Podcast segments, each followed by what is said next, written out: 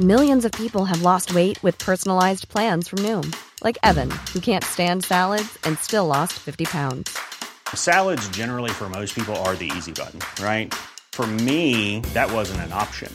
I never really was a salad guy. That's just not who I am. But Noom worked for me. Get your personalized plan today at Noom.com. Real Noom user compensated to provide their story. In four weeks, the typical Noom user can expect to lose one to two pounds per week. Individual results may vary. Du, du, du, det vet du. Är vi igång? Allt är igång. Nu, nu är det, Nej, sh- jag nu tror är det inte. show de la show i den här studion. Det är ingen jävla... Det är ingen lekstuga nu. Nu har vi Sveriges största show de la show-profil skulle jag säga genom tiderna. Har ni börjat? Ja, nu är vi igång. Vi har inte, Men det är inte du så har- du noga något- ja, här har Christer. du. Vi rullar bara liksom. Vi ska bara rulla. Ska jag ha min mick närmare också? Ja, nu idag gör vi inte det där. Vi sa det. Räcker det här? Vi har fått lussekatt. De var riktigt goda faktiskt. Det var, vad heter den här längden? Ja, det är saffranslängd. Saffranslängd. Heter det väl. Har vi några fler servetter? Ja, du kan ta min om du vill. Ja, det har Det fanns bara två när jag tog. Ja men fan vad nice, vi, sa- vi sa det precis, här lusse, lussekatterna har ju kommit nu på Pressbyrån och sånt, så har du ju kommit med lusseball. Ja, jag såg också det. Äntligen! Det var sån man gjorde på, när man hade såna här temadagar på julen, så skulle man vara busig i skolan. Så gjorde man ballar. Mm. Gjorde du såna Det är Christer? inte så busigt längre. Nej. Nej. Jag tror inte vi gjorde några lussebullar när jag gick i skolan faktiskt. Nej. Eller på dagis eller någonting. Att vi gjorde sånt. Mm, Men, den här var eh, jävligt god alltså. Hade ni hemkunskap? Ja, lite grann hade vi väl någon, i någon årskull. Femman eller sjätte. Tror jag. Mm. Ja, det var ju ett ämne vi hade Jag uppe i... tuggar mitt i micken nu. Vi hörde det, Ah, vi hörde det på framgångspodden att du satt och tuggade lite. Du brukar ta med dig, Mm. Tilltugg. är det rutin du har? Oh, jävlar vad jag smular. Är det din rutin liksom? Ta med lite kaffebröd? Ja, jag brukar inte chansa. Nej. För att det brukar aldrig finnas. Det, det, det lärde jag med Lasse Flinkman, min gamla kollega. Han var ju så galen i kaffe och kaffebröd. Han köpte alltid med sig kaffebröd för han vågade aldrig chansa på att det fanns. Och varje gång vi kom upp till SVT, man skulle göra någon tv-inspelning av olika slag. Då hade de tre torra kakor och några pepp, små pepparkakor. Alltså, det är så här, han blev galen va. Ja. Han vill ha riktigt fint kaffebröd. Så han köpte alltid med sig. Så det har blivit en grej som jag har tagit efter. Det är lite som när vi går på möten Krille och vi, det inte finns någon bra läsk. Ja, exakt. Det är så jävla tråkigt. Vi tar alltid med oss Man är på en Nocco. jävla möte Mm, som också kommer vara helt onödigt möte för vi kommer bara sitta och brainstorma saker som sen blir sämst. Så vi brukar ställa in de flesta mötena i god tid. jag är lite så att jag tycker det är så tråkigt att dricka kaffe utan kaffebröd. Trots att jag inte borde det för jag gick upp i vikt när jag slutade röka. Så att jag har svårt att gå ner de där jävla sista kilorna. Jag slutade röka. När coronan kom. Bra timing. Just det. Men svår period att sluta röka också kanske. Jo men du vet när det stod de där första rapporterna från Kina. När man inte visste någonting. Just det, det var ju Och värre. då, då kom det rapporterna de, att det här var något jättefarligt och man var jättesjuk. Och de som dog det var äldre män och rökare. Ja, just det, just det. Just det. Det var första rapporterna. Då kände jag bara, mm, vänta nu. Ska man få det här jävla skiten som man nästan kan dö av? Man visste ju inte hur farligt det var. Nej. Och då tänkte jag att då ska jag i alla fall inte få det värre för att jag röker. Och jag har alltid varit sådär att alla restriktioner, gå ut och röka, stå runt hörnan, ni får visst avstånd, inte uteservera. Alltså, allt det där bara retade mig. Ja. Det fick inte mig att sluta röka. Jag blev bara så här, ni ska fan inte bestämma om jag ska röka eller inte. Så jag slutar inte på grund av dem. Nej. Men här kände jag att här har jag någonting som kanske kan påverka min hälsa och mitt liv. Så då slutade jag och, och fimpade och precis och, och, och inte tagit ett bloss sen dess. Var det svårt? Jag tycker inte det var så svårt. Det är lite Men jag snusar ju lite så här nikotinsnus. Ah. eh, De är farliga, alltså. Så de här apoteket som bara är lite så här nikotin. Ja, de där munhållepåse. Ja, De mun-? Men det är de där lite svagare från ap- apoteket. Ja. Ja, Vi har ju aldrig snus, eller Tor har ju snusat lite genom åren och sen så nu har de här jävla vita snusen kommit. Livsfarliga. Och de serveras överallt när man är ute och festar och sen så börjar man då på fest och nu har jag, jag har fortfarande bara köpt i samband med fest. Okej. Eh, för jag vägrar att köpa, jag kommer inte köpa det på vardag. Förstår ni? Men om man köper på fest, då är de ju kvar i veckan. Så att jag sitter ju hemma och mm. Pillar dem. in. En. Men det är lite nice faktiskt. Ja, jag har kört på Ica några gånger. Men det är ju lite så med livet så här, man måste ju få, ibland måste man få gotta sig lite. Och det, det är intressant med, med dig Christer, du eh, drack ju inte eh, under en period ju. Ganska lång period Nej va? men jag hela mitt vuxna liv Ja. kan man säga. Och sen när du fyllde 70, då jävlar nu är det fest. Ja, det blev så för att eh, jag slutade dricka efter de första fyllorna i gymnasiet och luciavaker och allt det där. Och jag bara somnade eller spydde eller mådde illa. Hade aldrig, jag kom aldrig in i kulstadiet. Ah, okej. Nej nej. Så att jag sket i det där sen när jag kom till Stockholm tänkte jag, "Men det är ingen idé, jag dricker, jag har ju roligare utan alkohol. Ja. Sen har jag ju varit ute i alla år och ute mycket på krogen och på nattklubbar jämt. Men jag har alltid kunnat spela med på något sätt. Låtsas så full. Ja, alltså jag har partat med och skrattat och tjoat och haft lika roligt. Så när jag träffar killar eller tjejer som jag umgicks med på den tiden så säger jag, kommer du ihåg när vi ri- ringlade fram från Daily News till Café Opera i Kungsträdgården och vi var så jävla packade, vad kul vi hade. Ja, du kanske var packad, så jag, men jag var inte packad. Jo, säger han, du var jättepackad också. Men det var bara det att jag spelade med. Ja. Och, och det var, jag hade kul. Men jag hade koll. Ja. Men sen, eh, sen har det varit så i alla år. Men sen var det nu i februari, eh, mars, eh, februari, då skulle vi på QX-galan. Vi var nominerade i två prisklasser, Årets show och Årets eh, drag. För den här showen vi gjorde på Vasateatern nu. Och då sa grabbarna, tänk om vi får båda priserna. Och så, här, Nej, så det kommer vi inte få. Så jag, vi kanske får årets drag, säger jag, för där har vi inte. Men årets show, då konkurrerar vi med Pernilla Wahlgrens turné. Vi, vi konkurrerar med ABBA The Voyage var nominerat. Och allting. Jag sa, det kommer vi ju inte att få. Men jag sa, får vi båda priserna, Då, då ska jag parta med er ikväll. Då ska jag dricka drinkar med er ikväll. Och vi fick båda priserna. Såklart. Så det tog en. En sekund så hade grabbarna beställt in en, en eh, drink till mig då.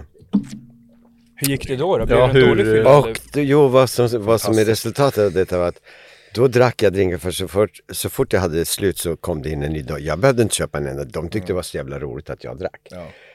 Och jag blev bra på arslet. Och hade så jävla kul Ja. på hela festen. Så att då tänkte jag, men gud, och så, dagen, och så när jag kom hem, alltså köket gick som en jävla serpentin, alltså det var så snurrigt. Och sen dagen efter, inget, mådde inte illa, mådde bra, hade ingen baksmälla överhuvudtaget. Tänkte jag, nej men det här är nog min nya grej. Fan vilken Supa. rolig ad i livet. Fan vad kul. Då. Ja. Ja, men och det då väl- fyllde jag ju 70 strax efteråt där i mars. Och då snackade jag om det här på scenen lite grann när jag hälsade folk välkomna till min fest. Och sa det att nu, mitt nya liv så det är att mellan 70 och 80 så ska jag dricka. Och bli lite halvalkis, tänkte bra jag. alltså. Och sen när jag fyller 80, om jag får göra det, då ska jag börja knarka. ja, men det är bra. Så Det det är kul. min plan. Ja. Exakt så där har jag tänkt också med just med, med knarket. Ja, att så här, man håller sig, man sköter, sköter sig nu.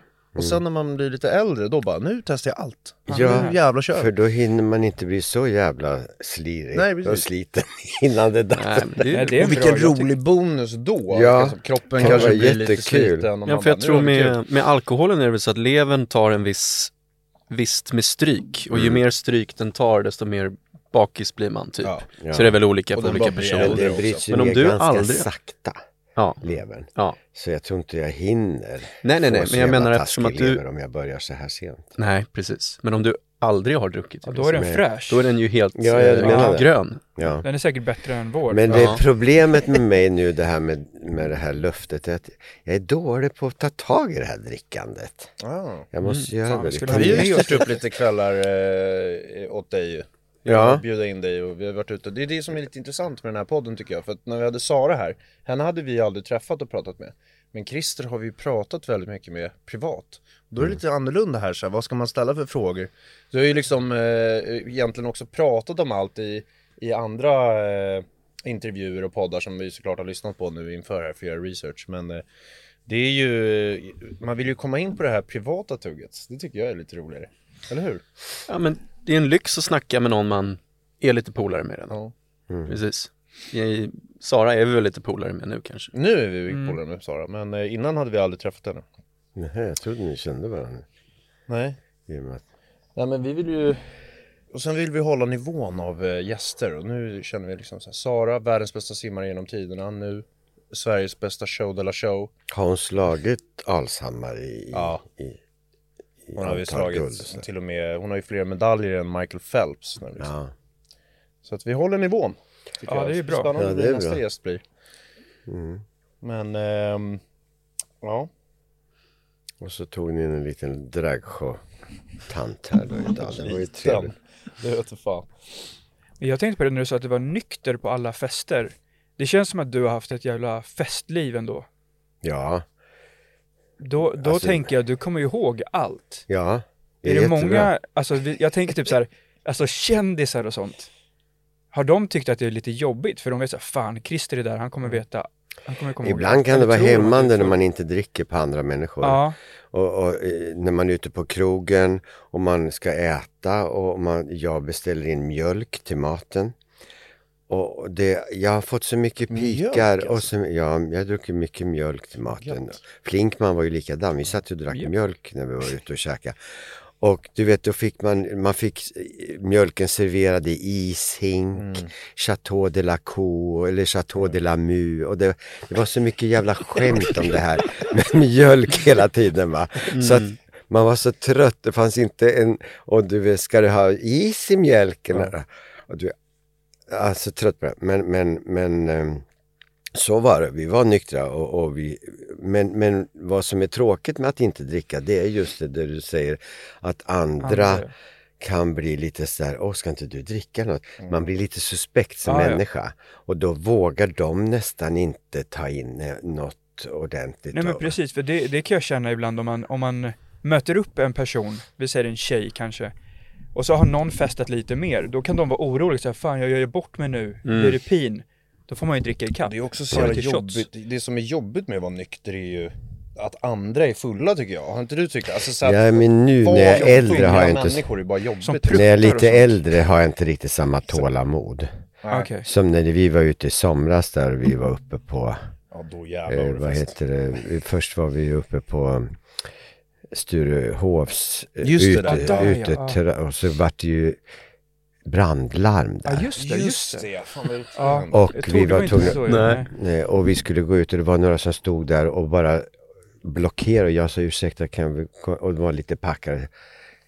Ja då, ja det är så att brandlarmet har gått så vi tänkte dra oss mot utgången säger jag. Ja det tänker vi också göra. Ja, Ja men det är nu larmet går inte om en halvtimme. ja. Och du vet, då kände jag att där, i sådana situationer har inte jag samma tålamod längre som Nej. jag hade när jag var yngre. Men, eh, men att, eh, nej jag tänkte inte på det förr. Jag tyckte, Ett problem jag kan tycka när man är nykter ute är energin. Att man inte Mm. orkar bara vara med alla. Men du har alltid haft väldigt mycket jag energi. hade då. mycket där när jag var yngre. Men sen kom jag väl in i en ålder, när man kom upp i 30-årsåldern och lite passerade den. Då kände jag ibland att jag var mer iakttagare än deltagare. Mm. Och det kunde man ju ibland tycka var lite tråkigt. Mm. Och jag hade ofta kompisar som, som jag gick ut med som inte heller drack. Och, och då blev det så här, vi kunde säga, här står vi. Hur roliga är vi? Mm. Mm. När de dansar runt här och hoppar på borden och tycker det är skitkul för att de är packade. Ja. De gör ju bort sig. Men det skiter jag i. Men, men de har i alla fall kul. Ja, exakt. Men jag tror också mycket var att jag har alltid varit lite för mycket kontrollfreak tror jag. Mm. Ja, Att inte Tänk om, tänk om jag hade stått där och hoppat på bardisken sådär. Just också framför Åh, några som är gud vad nyktra. pinsamt.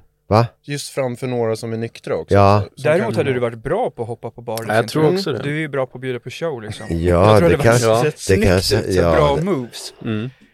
Men, men jag, jag var nog lite för, det var nog en del i det hela var nog att jag ville ha kontroll Ja. hela tiden. Ja. Nej, men den kör Nu när jag inte dricker och jag är lite dålig på att komma igång med det här drickandet som jag vill göra. Mhm. Det är det att jag är så jävla bortskämd att ta med mig bilen jämt. ja, ja, ja. Så det där att jag ska sätta mig hemma och beställa en taxi. Mm. Men du har sålt din bil nu va? Jag bytte bil. Bytte bil, okej. För det var ju en klassiker på Lidingö. Han åkte runt i sin eh, röda BMW, cab, eller hur? Den är Nej cab. inte cab, Nej, det, var, inte det cab, var en en sån där låg. liksom. Z4, Ja. nej Z4 M-kupé. Det var en kupé. Okej. Det var ju ganska Ja. ovanlig. De gjorde ju inte många. De gjorde bara 07, Men det är 08. vanligt med cab i den, de. eh, eh, den modellen. Ja, det Så fanns ju vanlig Z4 fanns ju i cab också. Men den här var ju cab, lite så här. Den var ju lite, den, det, det var det närmaste jag kunde komma en modell som såg ut som Jaguar E-Type. Ah, Eftersom det är min absoluta favoritbil. Och eh, det här var den närmaste formen som fanns på en modern så. Den är bil. skitsnygg ju. Men, men det var kul för vi, vi är ju uppväxta på Lidingö och du har ju bott på Lidingö. Hur, hur länge har du bott på Lidingö? Du bodde där Sen nere förresten. 82. Ja, så att eh, eh, det var ju en klassiker. att jag, jag och Robin träffade ju dig på, apropå, eh, jag tänkte på Robin Svensson där, han slutade ju röka också under corona. Och det Ja. är nog det sjukaste som hänt på jorden. Jag är så stolt över Robin Svensson. Men eh, Det är hur som helst. Eh, men det vi träffade känner? Vad sa du? Jag vet inte, jag känner till Ja, det är en kompis. Jag tror Ingen ni som hade jag- passat väldigt bra ihop i, på fest. Ja, Robin Svensson, jag vet inte Ja, men Robin är ju kul att iaktta. Ja. Alltså om man tittar på vad han Ja. gör på fest. som iakttagare är det en bra. Han är roligare nykter tycker jag att iaktta. Så här. Ja, det är sant. Ja, Men är eh, på fest så blir han jobbig faktiskt, ibland. Kanske blir det lite bättre. Men i alla fall, på Lidingö då så, vi träffade dig på Statoil, klassiska Statoil som nu heter Circle K såklart. Eh, en gång på, på natten var det. Och det är också kul, vi ska prata om din dygnsrytm som vi också har. Inte Tor, men vi har. Eh, men då träffade vi dig och du var jättetrevlig.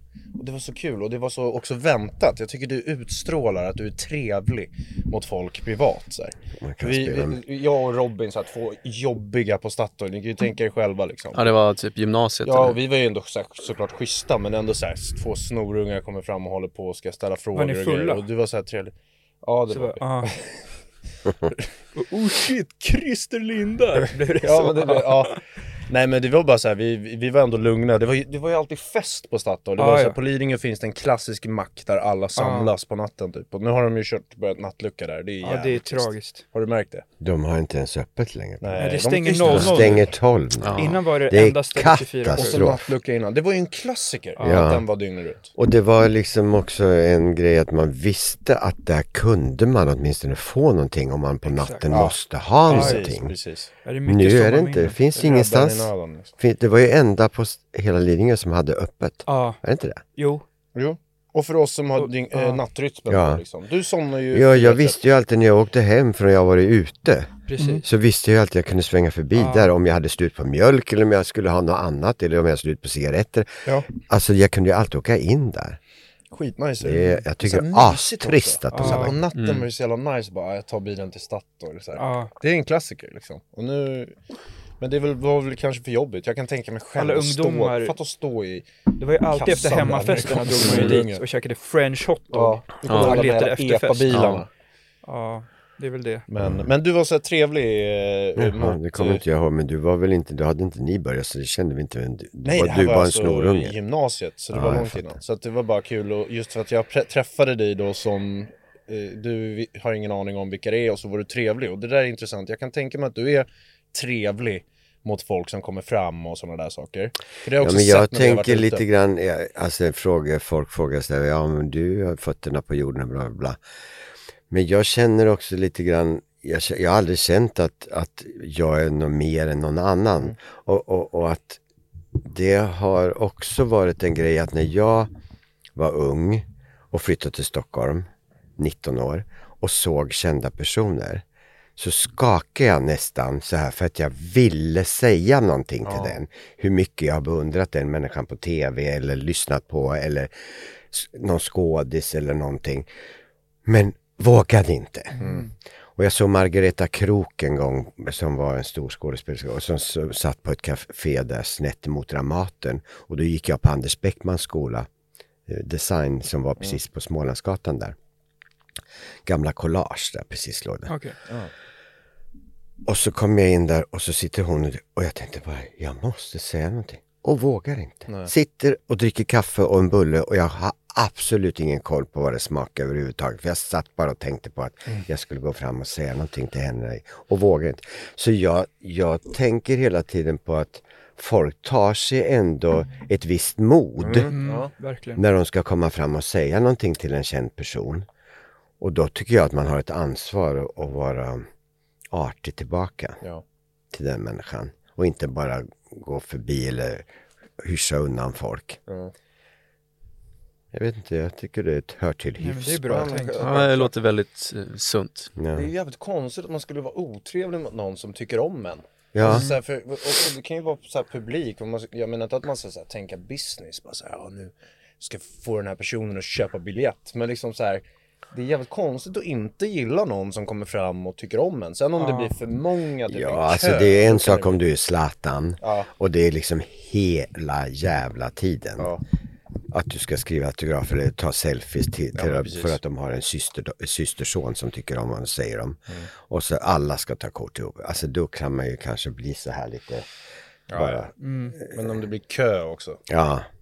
Nej, då kan jag fatta. Säg att, men är man på en normal Mm. kändisnivå och, och sen är ju också svenskar är ju inte så på.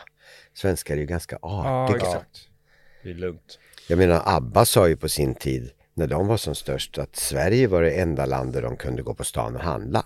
Ja. De kunde gå på NK eller de Ja. kunde gå på Hamngatan eller, och, och göra sina ärenden. Folk var så här, titta, där går han, ben, Benny Andersson, det är han från ABBA. Eller så där, Mm, Det blir så, Frida, ja. går Frida. Folk var ju lite så. Ja. Utomlands kunde de ju inte gå utanför hotellrummen. Men här kunde de gå ut. Så att eh, svenskar är ju ganska försiktiga. Ja.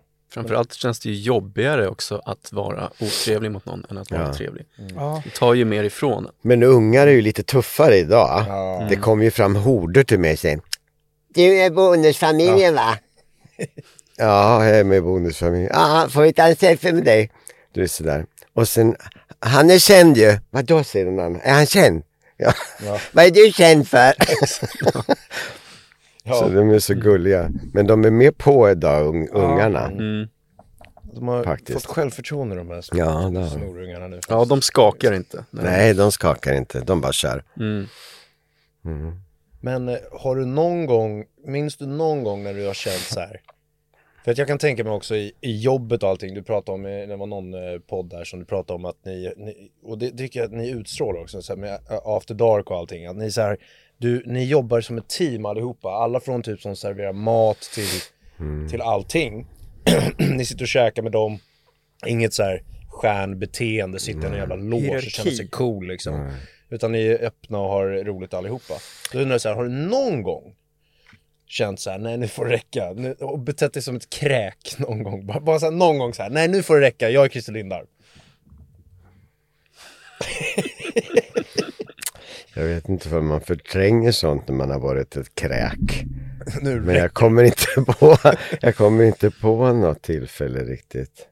Nej. Men jag har alltid tyckt, eller vi har alltid haft någon filosofi i gruppen att, och jag har väl utstrålat det också, att alla är ett gäng som jobbar för samma sak. Och det gäller inte bara showgänget utan det gäller även tekniker, det gäller Ja, det de på ljud och ljus och, och som du säger på börsen under alla år man åt personalmat med, med, med servitörerna och alla. Det var liksom, för man vet att alla jobbar ju för samma mål den kvällen. Det ska bli en bra kväll för gästerna. Och då är ju alla lika mycket värda på det sättet. Så att, um, jag vet inte för jag har varit så här riktigt jävlig någon gång. Kanske jag har någon gång. när man Kul. inte orkar. Men jag kommer inte på riktigt. Men, men, men när du säger det, alltså ett team och sådär, och då, då kan jag tänka mig också, du har ju såklart jävligt höga krav på att det ska bli bra när du gör en show, så det är ju ett stort team. Men det man har märkt, även för oss, att sen när man jobbar med människor, alla har ju inte samma passion som du har för att det ska bli perfekt. Man försöker få alla att ha så mycket passion som möjligt, men har du någon gång känt så här, fan den där personen tar inte det här på allvar, och så gett sparken, typ sådana grejer? Att du inte pallar med dem mer? Ja, man får ju säga till. Man får peppa och man får, markera om det är någon som inte håller nivån. Men eh, en gång så hade vi en medlem som mm, drack för mycket och dessutom tog lite down-tabletter för att han inte kunde sova på nätterna. Så att eh, han var lite såsig. Och vi sa till att du, du, du hänger inte med här. Du, alltså du tappar i koreografin, Ja, du ja. ett steg efter hela tiden. Nej, vadå, det går väl bra. Och du vet, vi kände, och vi gav honom massa chanser och, eh, och tillsägningar och eh, ja, både eh, och dessutom så hade han folk runt omkring sig som var inom läkaryrket så att han hade hjälp också och försök till folk som ville hjälpa. Men där, det var, det gick det så långt så vi sa att nästa produktion när vi kör igång till hösten då, då är du inte med. Men han var kvar, Han var med den den, den Ah, okej. sessionen Ja. ut så att säga. men inte liksom på plats bara så här. Men det var väldigt sorgligt för han tog livet av sig. Oh jävlar. jävlar. Mm.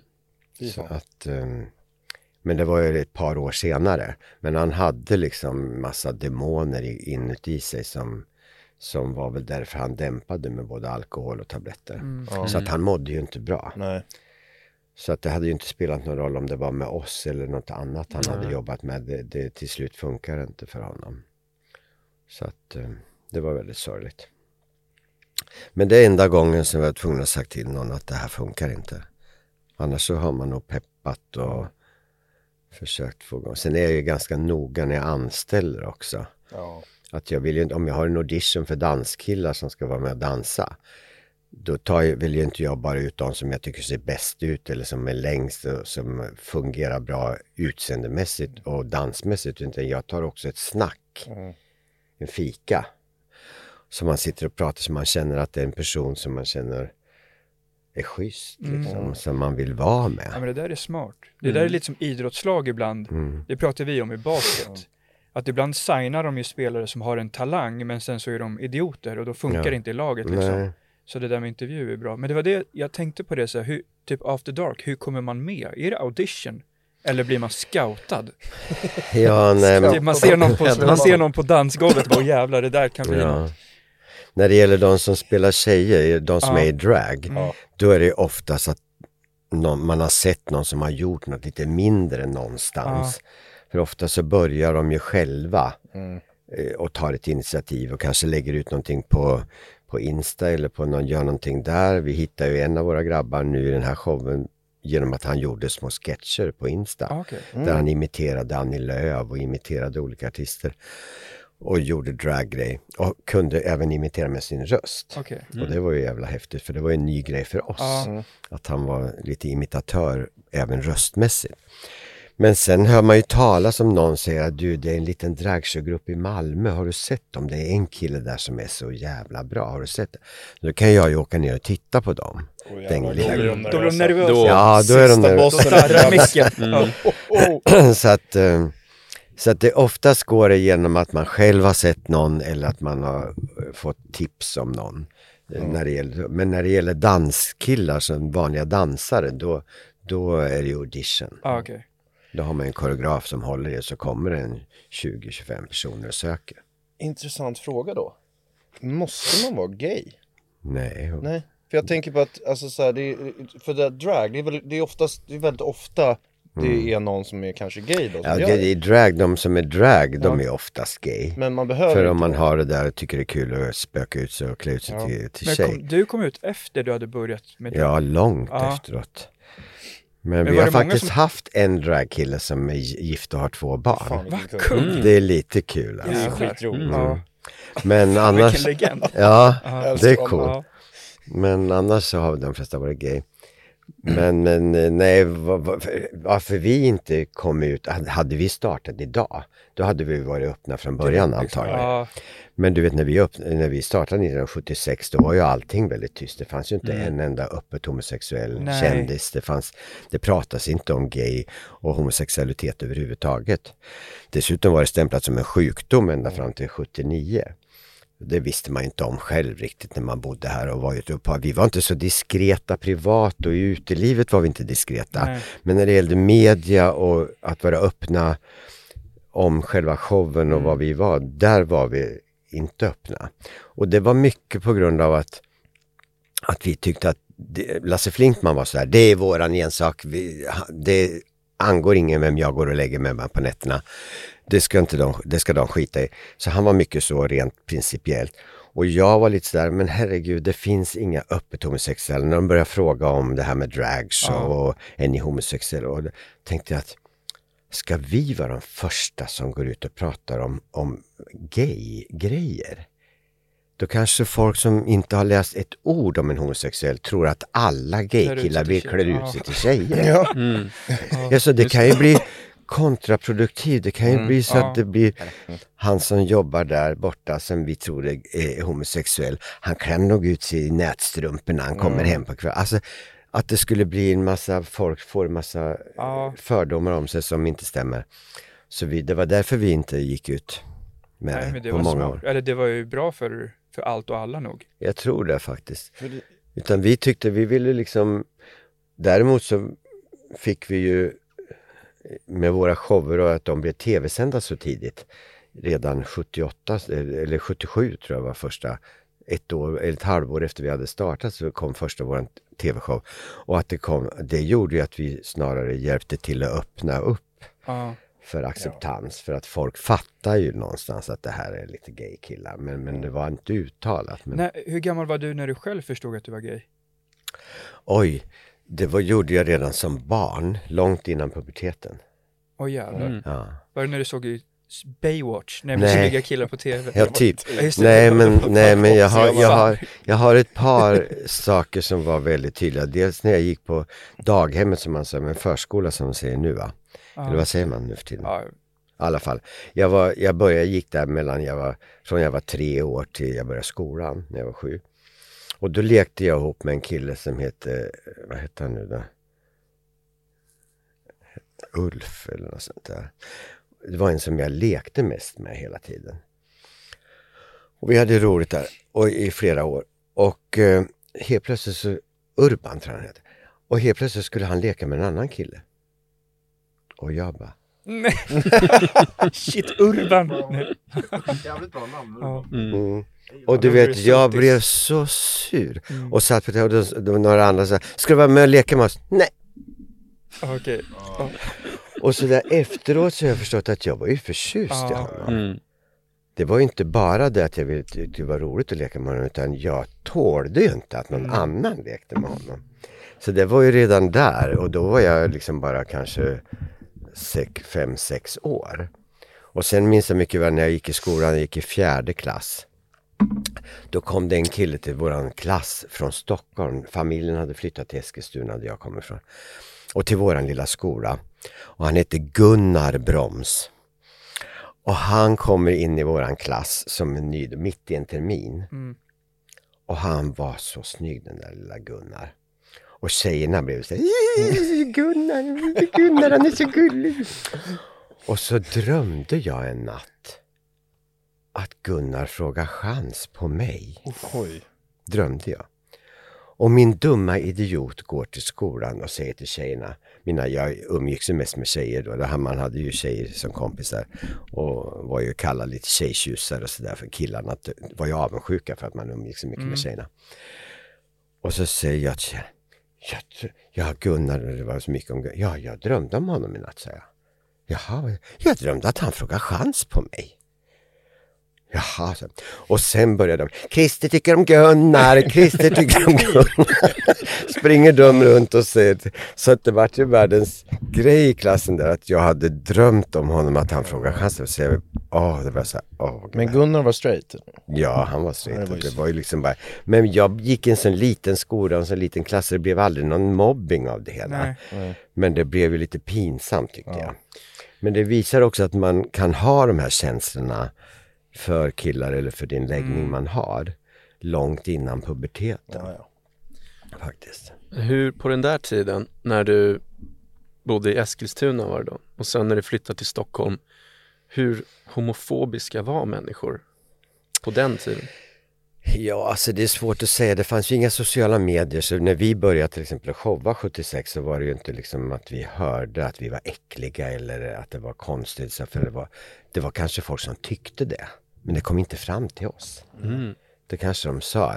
Eller de satt i soffan, den där äckliga bögarna som uppträdde där. Alltså, men det var inga som skrev någonting. Eller, så att eh, det är svårt att avgöra hur mycket som fanns och inte fanns. Men jag kan också tycka att 70-talet var en ganska öppnande period rent acceptansmässigt, sexualmässigt och eh, kvinnans Eh, frigörelse och sådana där grejer. Kom efter 68-vågen eh, från 60-talet, lite där vänstervågen som var då bland kvinnor och sådär. Och sen kom sexuella frigörelsevågen ungefär samtidigt i början på 70-talet. Så att hela 70-talet var en ganska nyfiken och öppnande tid tycker jag.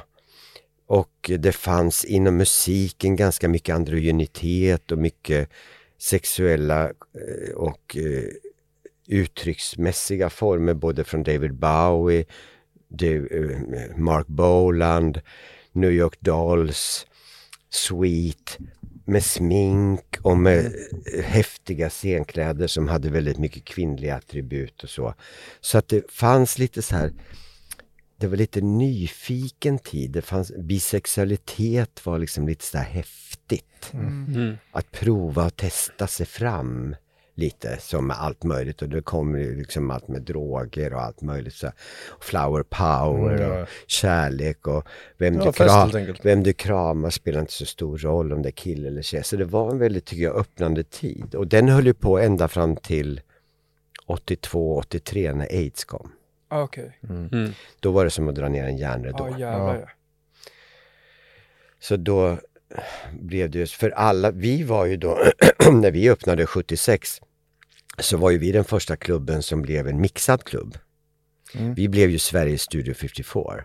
För att det var liksom inget annat ställe som hade en mixad publik. Var det svårt att komma in där? Ja, gud ja, det var Var jättesvårt. man, man var tvungen att känna folk? Var det lista? Ja, Jag var tvungen var att känna list- Christer. Ja, Ja. Christer. Christer Det var inte så stort ställe heller. Det tog bara, jag tror vi hade tillstånd för 180 personer Okej. inne. Men vi, vi tog in Ja, typ exklusivt. 300. Mm. Fast vi inte fick. Okej. Så det var ju smockfullt där inne men det var, det var svårt att komma in där. Så mäktigt med kändisar på den tiden också. Mm. Uff. Och då var det också Alexandra som var den det. stora Mm. eh, nattklubben som alla kändisar och fint folk gick på. Den hade precis stängt Okej. när vi öppnade och skulle hitta en ny lokal. Så vi var lite ensamma i stan så vi fick ju hela den Östermalmsklicks, Mm. det som man skulle kalla för Stureplansligan idag. De skulle komma till oss, gaykillarna skulle komma till oss plus att filmbolag och skivbolag tog dit artister som skulle parta efter sina konserter och så. Så vi hade ju allt från Elton John till, till alla de här stjärnorna som var här var ju att festa hos oss. Tänkte på det, Mäktigt. alltså, att det, privat har ju du berättat massa roliga historier, jag vet inte vad du kan berätta liksom på, på kamera, men typ när Elton John och sånt där kommer till logen och sådana där grejer. Det är så jävla kul att höra ju bara. Jag älskar när du pratar om de här gamla legenderna och sånt Ja. där. Ja, nej men Elton hängde ju ganska mycket hos oss. Ja. Han, han kom ju återkommande flera gånger när han var här olika år då under den där Mm. dagen. Och sen så bjöd ju han ut oss till hela, jag och Nils Albert hade köpt biljetter för att gå och se honom på Konserthuset. Men sen bjöd han hela gänget sen någon dag, för han uppträdde två, tre dagar på Konserthuset.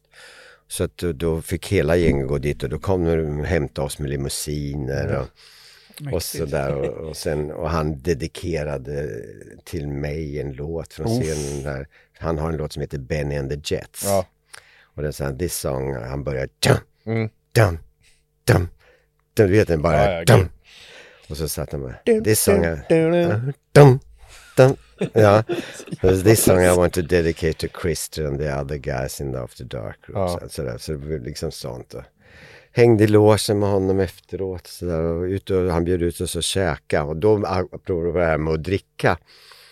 För han var så snopig, jag satt i hans knä på våran klubb jävlar. någon kväll när han var där. Och så satt han och sa, varför dricker du? Du dricker bara Coca-Cola, sa Elton. Ja, så jag kan inte dricka, jag mår inte bra av det. Jag tyckte han var så, han festade hårt. Ja, Ja, sig. På den tiden var det både droger och mycket dricka. Drogerna såg jag inte så mycket av men, men det var mycket festande. Och eh, ja, nej men jag kan inte dricka så jag mår bara illa. Sen bjöd han ut oss på middag och då hade vi skaldjursbuffé och så var det genomgående champagne. Och då tänkte jag så här, vad ska jag hålla på och tjafsa med och bara ta Coca-Cola nu? Töntigt. Så jag tänkte jag smuttar och jag satt bredvid Elton så här. Så jag satt där och smuttade på den där jävla champagnen. Och sen efter ett tag så reser sig Elton, eller reser sig vet jag inte, men han knackar glas i alla fall. Så så här, jag hoppas alla har det bra, sa han. Och så här, det, det, det, kul att alla kunde komma. Det var ju hans team och så var det vi. Och så sa han, men jag vill bara påpeka en sak att när Christer är på sin egen klubb då dricker han bara Coca-Cola. Men när jag bjuder då går det bra att dricka champagne. Kung Elton. Men Elton var hemlig också ju med länge. Ja men man var det på den tiden för det var liksom inte några som var öppna Nej. med sin läggning. Det tog ju lång tid även fast vi höll på, många hade kommit ut och Jonas Gardell fanns och allting hade kommit. Så var det många som höll in den länge. Peter Jöback höll det inne jättelänge. Oscar Sia höll inne det ganska länge trots att han är så pass i nutid. Så att en del håller ju inne med det. Särskilt om de är stämplade åt att vara flickidoler. Ja, ja, ja, såklart. Då är de lite rädda för det. Men tjejerna tycker det är lite häftigt om de är gay. Vet du. Tjejerna tycker det är bara lite Men kul. de är väl typ rädda att de inte ska tycka att det är lika spännande och kanske kunna bli ihop med dem. Ja. Sådär liksom. Vissa börjar ju komma ut som bi först. Mm. jag Ja, det De kör en liten smidig Ja, övergång. det jag sa jag älskar till min- alla liksom. det sa jag till min mamma Ja. också när jag, när jag kom ut för henne att jag var bisexuell. För det är liksom lite Ja. mjukare. Rolig fråga bara jag kommer att tänka på nu. Förlåt Tor, du hade något på gång också. Men Nej, bara, ja. eh, Kör du först. Okej, men eh, eftersom du, eh, eh, apropå läggningen då. kan du bli taggad på en utklädd man till tjej?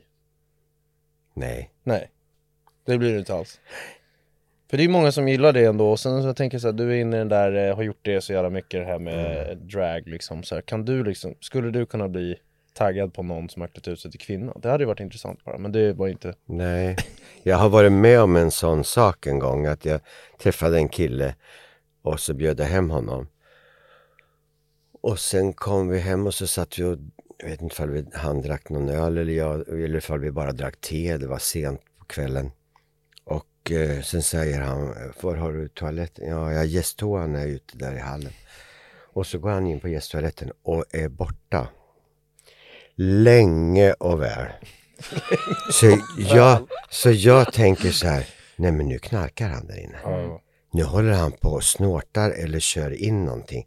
Alltså nu håller han på och grejar där inne. grejer. Grejer på toan. Ja, och jag vet, jag börjar grejar. bli mer och mer stressad. Och sen kommer han ut i en kort svart skinnkjol, nätstrump, nät, nätstrumpor och en taskig jävla råttfälla på huvudet och en peruk som, såg som inte såg klok ut. Och någon jumper har stoppat in några toa- toapapper som bröst under det där. Och hej, jag hoppas det är okej. Och jag fick som plötslig huvudvärk så att ni anar inte. Ja.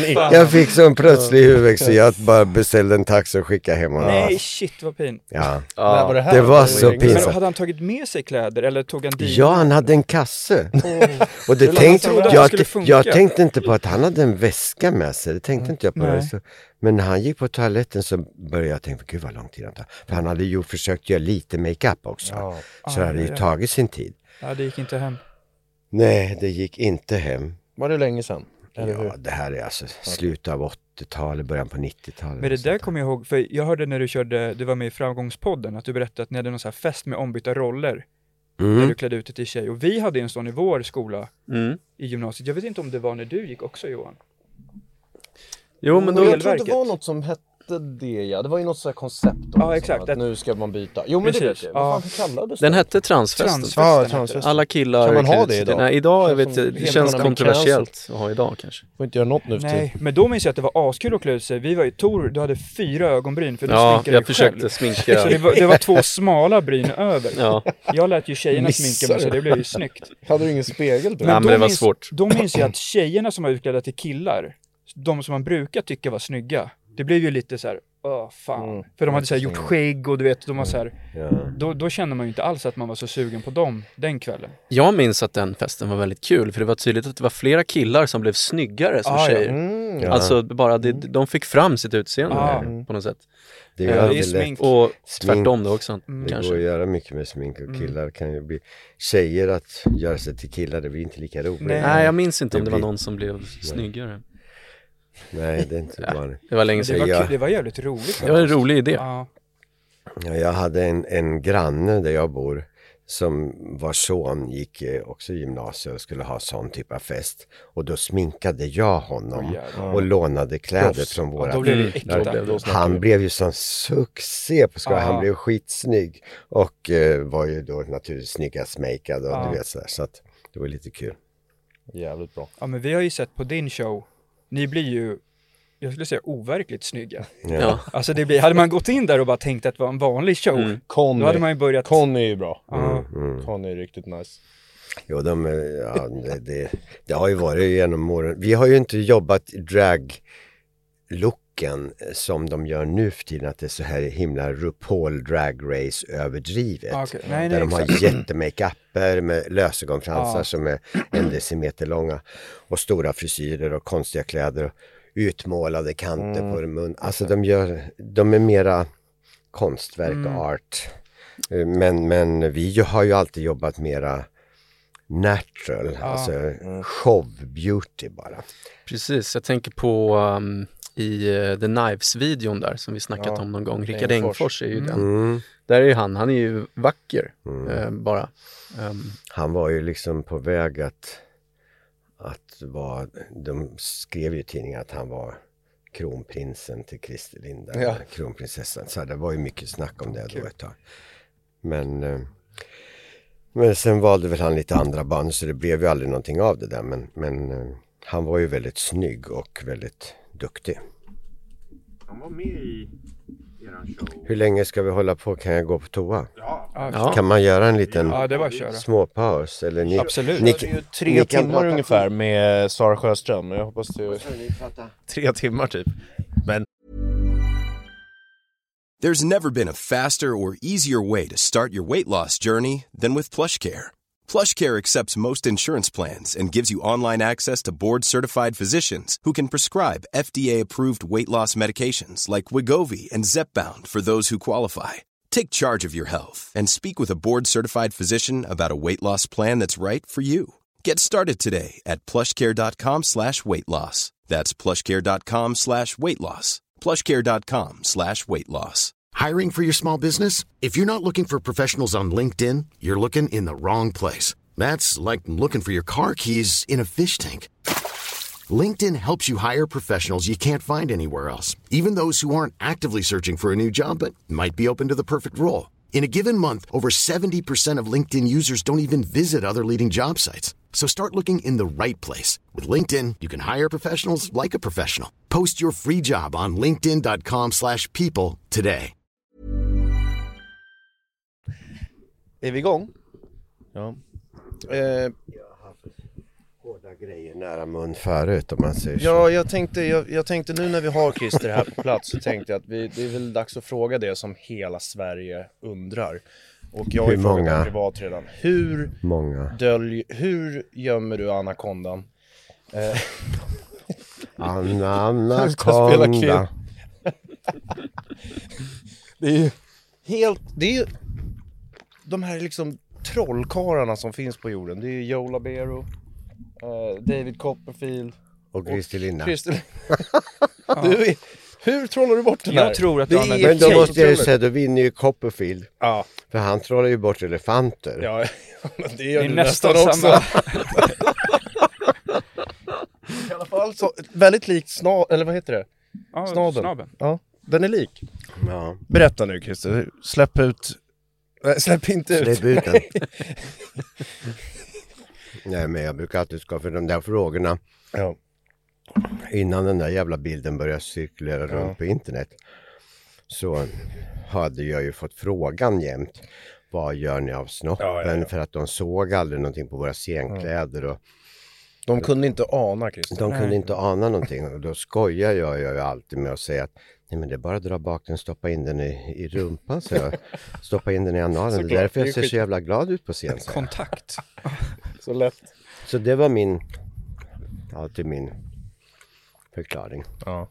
Men det, jag minns att jag hörde, just när du tar upp den där bilden, för jag minns att jag lyssnade på Alex och Sigges podd någon gång. Där de tar upp den här bilden. Och, si, och Alex kunde inte sluta prata om det. Han pratade om det i en timme. Ja, jävlar. ja men typ. Och, eh, och så blev det ju någon, någon grej då att alla undrade, för, för han sa inte vem bilden var på. Nej, Han, han, kanske han, eh, inte gjorde, nej. men det blev ju en, eh, en snackis då, vem, vem som var på den, på den här bilden. Ja. menar, hur, hur är det att, att, att det är ett sånt offentligt samtal nästan om en nakenbild på dig? Ja, alltså det hade ju, hade den varit liksom två centimeter lång hade det inte varit så kul. Nej. Om det hade varit tvärtom, att det var liksom en, en mikropenis. Då hade det varit tråkigare. Ja. Och i, i, i gaykretsar så har det ju varit så att jag har ju alltid varit lite för flick... Alltså, ma- de, de, många tror kanske att gay-män gillar feminina pojkar eller killar. Det gör de ju inte. Utan gaykillar vill ju ha så killiga killar som möjligt. Idealet inom gayvärlden är ju att Vända vara så straight. straight looking som möjligt. Och vända straight då. Ja, och de som har stått lägst i kurs har ju alltid varit de feminina, Mm. de som klär ut sig typ på dragshowartister och sen de riktiga transerna, transsexuella och transvestiter. De har ju stått lägst i kurs hos bögarna. Så jag har ju aldrig, även privat, eh, utan dragen, så var jag ju ganska flickig, jag var smal, jag var flicksöt, jag hade långt hår, ganska androgyn hela jag i looken. Många tog bakifrån som kom och gick så där kunde de tro att det var en flicka som gick där fast så, aha. Och när jag kom in i en affär utomlands särskilt så var det så här, Yes ma'am, Ja, hörde jag bara, oh, oh excuse me. De, de bara såg liksom skymten av någon med långt hår. De tog för givet att jag var flick. Så jag var väldigt flickig. Och jag stod inte högt kurs på gayklubbarna. Mm. Jag gick ju nästan aldrig på gayklubbar för det var ingen idé för att det var ingen som raggade på mig. Nej. För jag var liksom för smal, för, för liten och, och för flickaktig. Så att jag gick ju hellre på straighta ställen. Och Flinkman också tyckte var kul att gå. Så vi var ju oftast på Café Opera och på Daily News och på Vickan och på Melody och, och alla klubbar som började komma runt Stureplan och allt. Så att vi, vi sprang ju alltid bara på straighta ställen. För jag, hade, jag flörtade med straighta killar, hade lättare nästan att få ragg med en st- straight, någon som är lite nyfiken i alla fall. För de tyckte inte det var så farligt att gå hem med mig. Det var nästan, Nästan som som gå hem med en tjej. Mm. Men ändå fick de testa grejen. Mm. Och, så det, jag, och det där utnyttjade jag ju som Ja. fan. Allt från dörrvakter till de som var gäster. Så det var ju liksom, det var ju Som min fan. sport Nej. på den tiden var ju att fälla Mm, mm. de här snygga Sport, killarna. Va?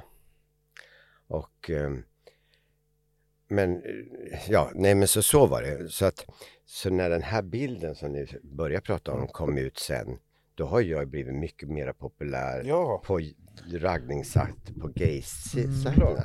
För nu märker de att, de har någonting, att jag har någonting annat som Ja. de inte Mm. visste att jag hade. Det är inte bara den där smala tråkiga kroppen. Nej. Utan det finns någonting som de tyckte var lite intressant. Men det här måste ju varit en Jävlar. snackis innan, innan bilden ändå.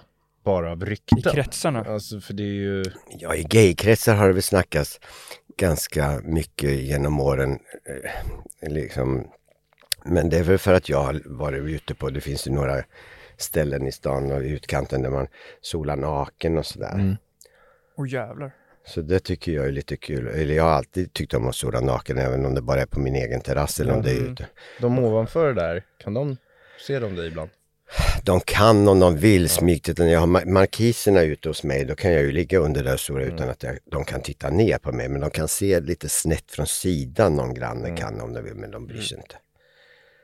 Så då, det är bara ett äldre Men- par som borde... Tillbaks till frågan, hur gömmer du den? Har vi fortfarande, för, alltså för nu skojar Kanske du ett hemligt men trick. Det är ett hemligt trick va? Ja, Privat har du ju berättat, men jag vill ändå att jag ger Nej, tittarna. men i, i princip är det den grejen att man drar bak den Ja. så gott, så mycket som man kan och sen har vi en jättehård suspensoar Ah. Ja. som dans eller som danskillar har ibland och, och som är väldigt hård och trycker till. Det, okej, men kan det göra ont då eller? Ja, fast man vänjer sig vid det. det blir liksom en vanesak. För det är sjukt, du kan ju verkligen se ut som en kvinna på riktigt. Jag kommer ihåg, eh, om vi ska prata lite mello, för jag tycker det är ganska intressant eh, Mm. det här med eh, Dol Dolce Vita-låten som eh, kom tvåa 04 mot Trea. Trea. Lena PH vann. Du var ju lite lik Lena PH, ni hade ju lite liknande klänning. Ja, det var lite Blev det lustigt. någon sån här grej där liksom? Nej, inte då. Det är väl mera efteråt som folk har reagerat och tänkt lite. Ja. Men det var väl lite, alltså den typen av klänning och, och att alla, vi hade Mm. stövlar. Det var hett då. Det var liksom lite looken då Ja. på något sätt. Men att jag gjorde en rosa, lite volangis, kort klänning och så kommer Lena med en rosa, lite volangig klänning och stövlar och jag hade också så. Det var ju lite lustigt Mm. Ja. eftersom vi också förut har sagt att de tyckte vi var lite lika Ja. ibland på scen. Och... Skulle ni vunnit tycker du? Nej, jag var, jag var, vi skulle nästan inte ha hunnit att vinna. För vi skulle ha en ny show till hösten där på, okej. på, Mm. på eh, vi skulle sätta upp på Tyrol. Mm. Så det var redan klart att vi på hösten 04 skulle ha en show. Sen kom det här upp och så körde vi Mellon då. Och, det var perfekt för oss att komma trea och sådär. Men sen efteråt kan man ju tycka så här, det hade varit kul att se vad som hade hänt Ja. i Europa. Tuff final Ja. dock, för Ruslana vann ju med Ukraina då. Var Ja, Wild det Dancing, det var ju bra. var så jag ja, tror ja. att det, men, men ni, ni hade Hade vi varit med året efter hade vi ju vunnit. Ja, då var det För då var det ju tråk, Men Ja just det ja. med, med Las Las Vegas-låten. Men han är, var- han är ändå Han är jävligt Mm, snygg. snygg. Ja, Han bor men, väl också på men vi hade, vi hade, vi Ja. hade vunnit över honom om vi hade varit med Ja, det hade året ja. efter. För det var ett litet mellanår. Det, var det året tycker jag Nanne skulle ha vunnit. Ja, ja, Du var ju- med en gång igen, eller? Ja men den har jag, jag ska ta upp den låten. Ah, okej. För att, så eh, det här. Ja, först är det kuk och sen är det onani. Ja, en av de mest underskattade, en av de mest underskattade låtarna i Mellos historia. Mm. Och när ni Ta. tar saken i egna händer. Alltså den var så jävla rolig, men då var ju inte Flinkman med. Nej. Va, eh, hur kändes det att gå in där själv då? Men be, prata lite om den låten. Den är ju grym. grym. Vilket år var det? Eh, 07.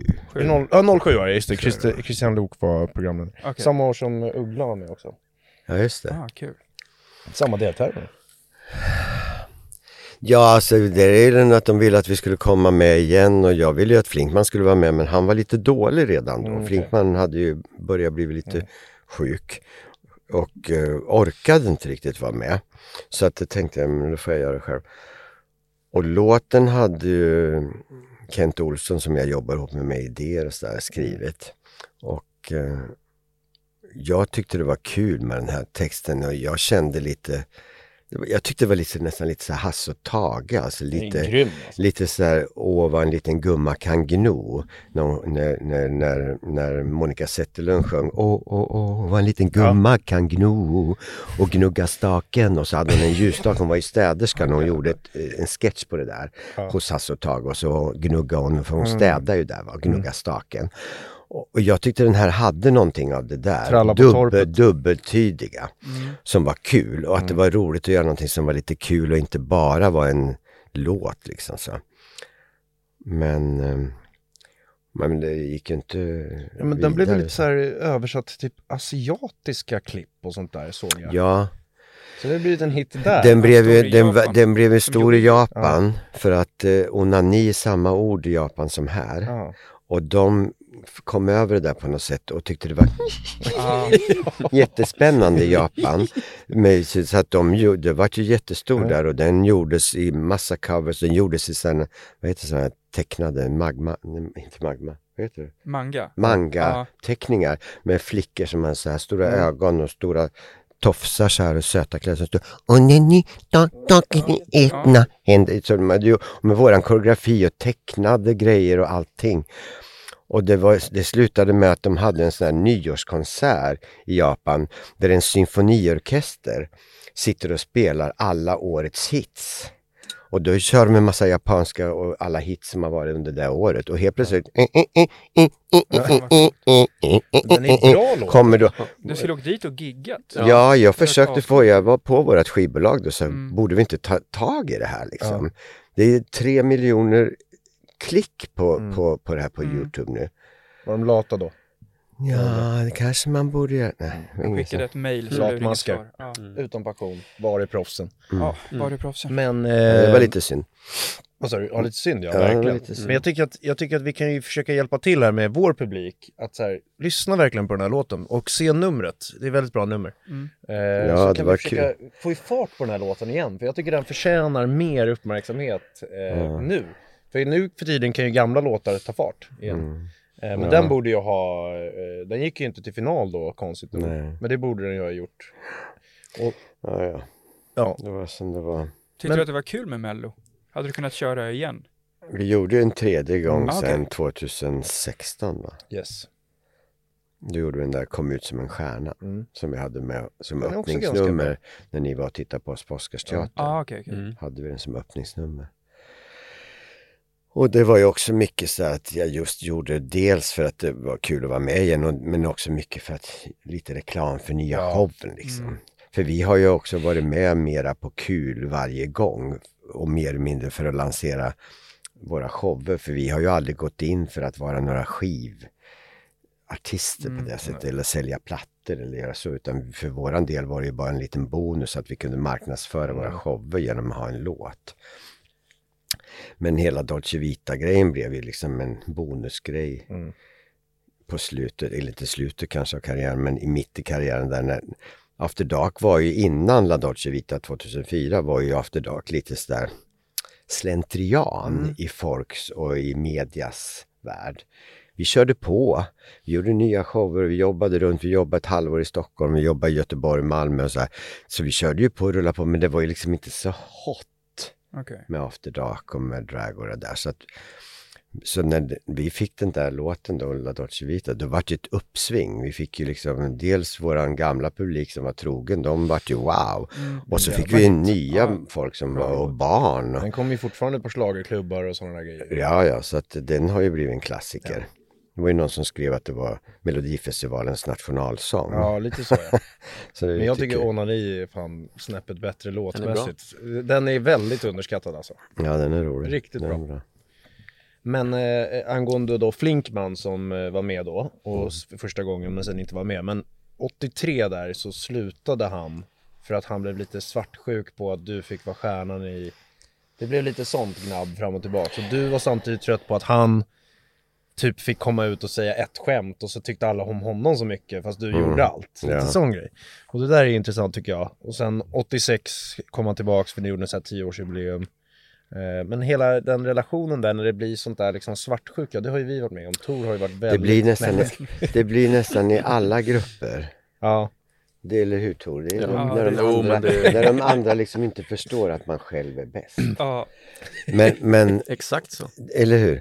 Och det var lite, det blir ju så i nästan alla Mm. grupper. Den som har skrivit låtarna och kanske inte tycker att den får tillräckligt cred. Eller om någon som eh, sjunger tycker att det är ju för fan jag som drar hela lasset i Mm. den här gruppen. Jag kan lika gärna gå solo.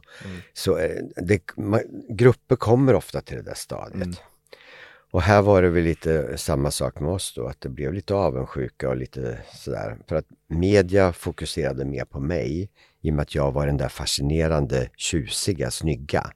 Som folk undrade, men gud, är det inte en tjej? Det måste ju vara en tjej, det där kan ju inte vara en kille.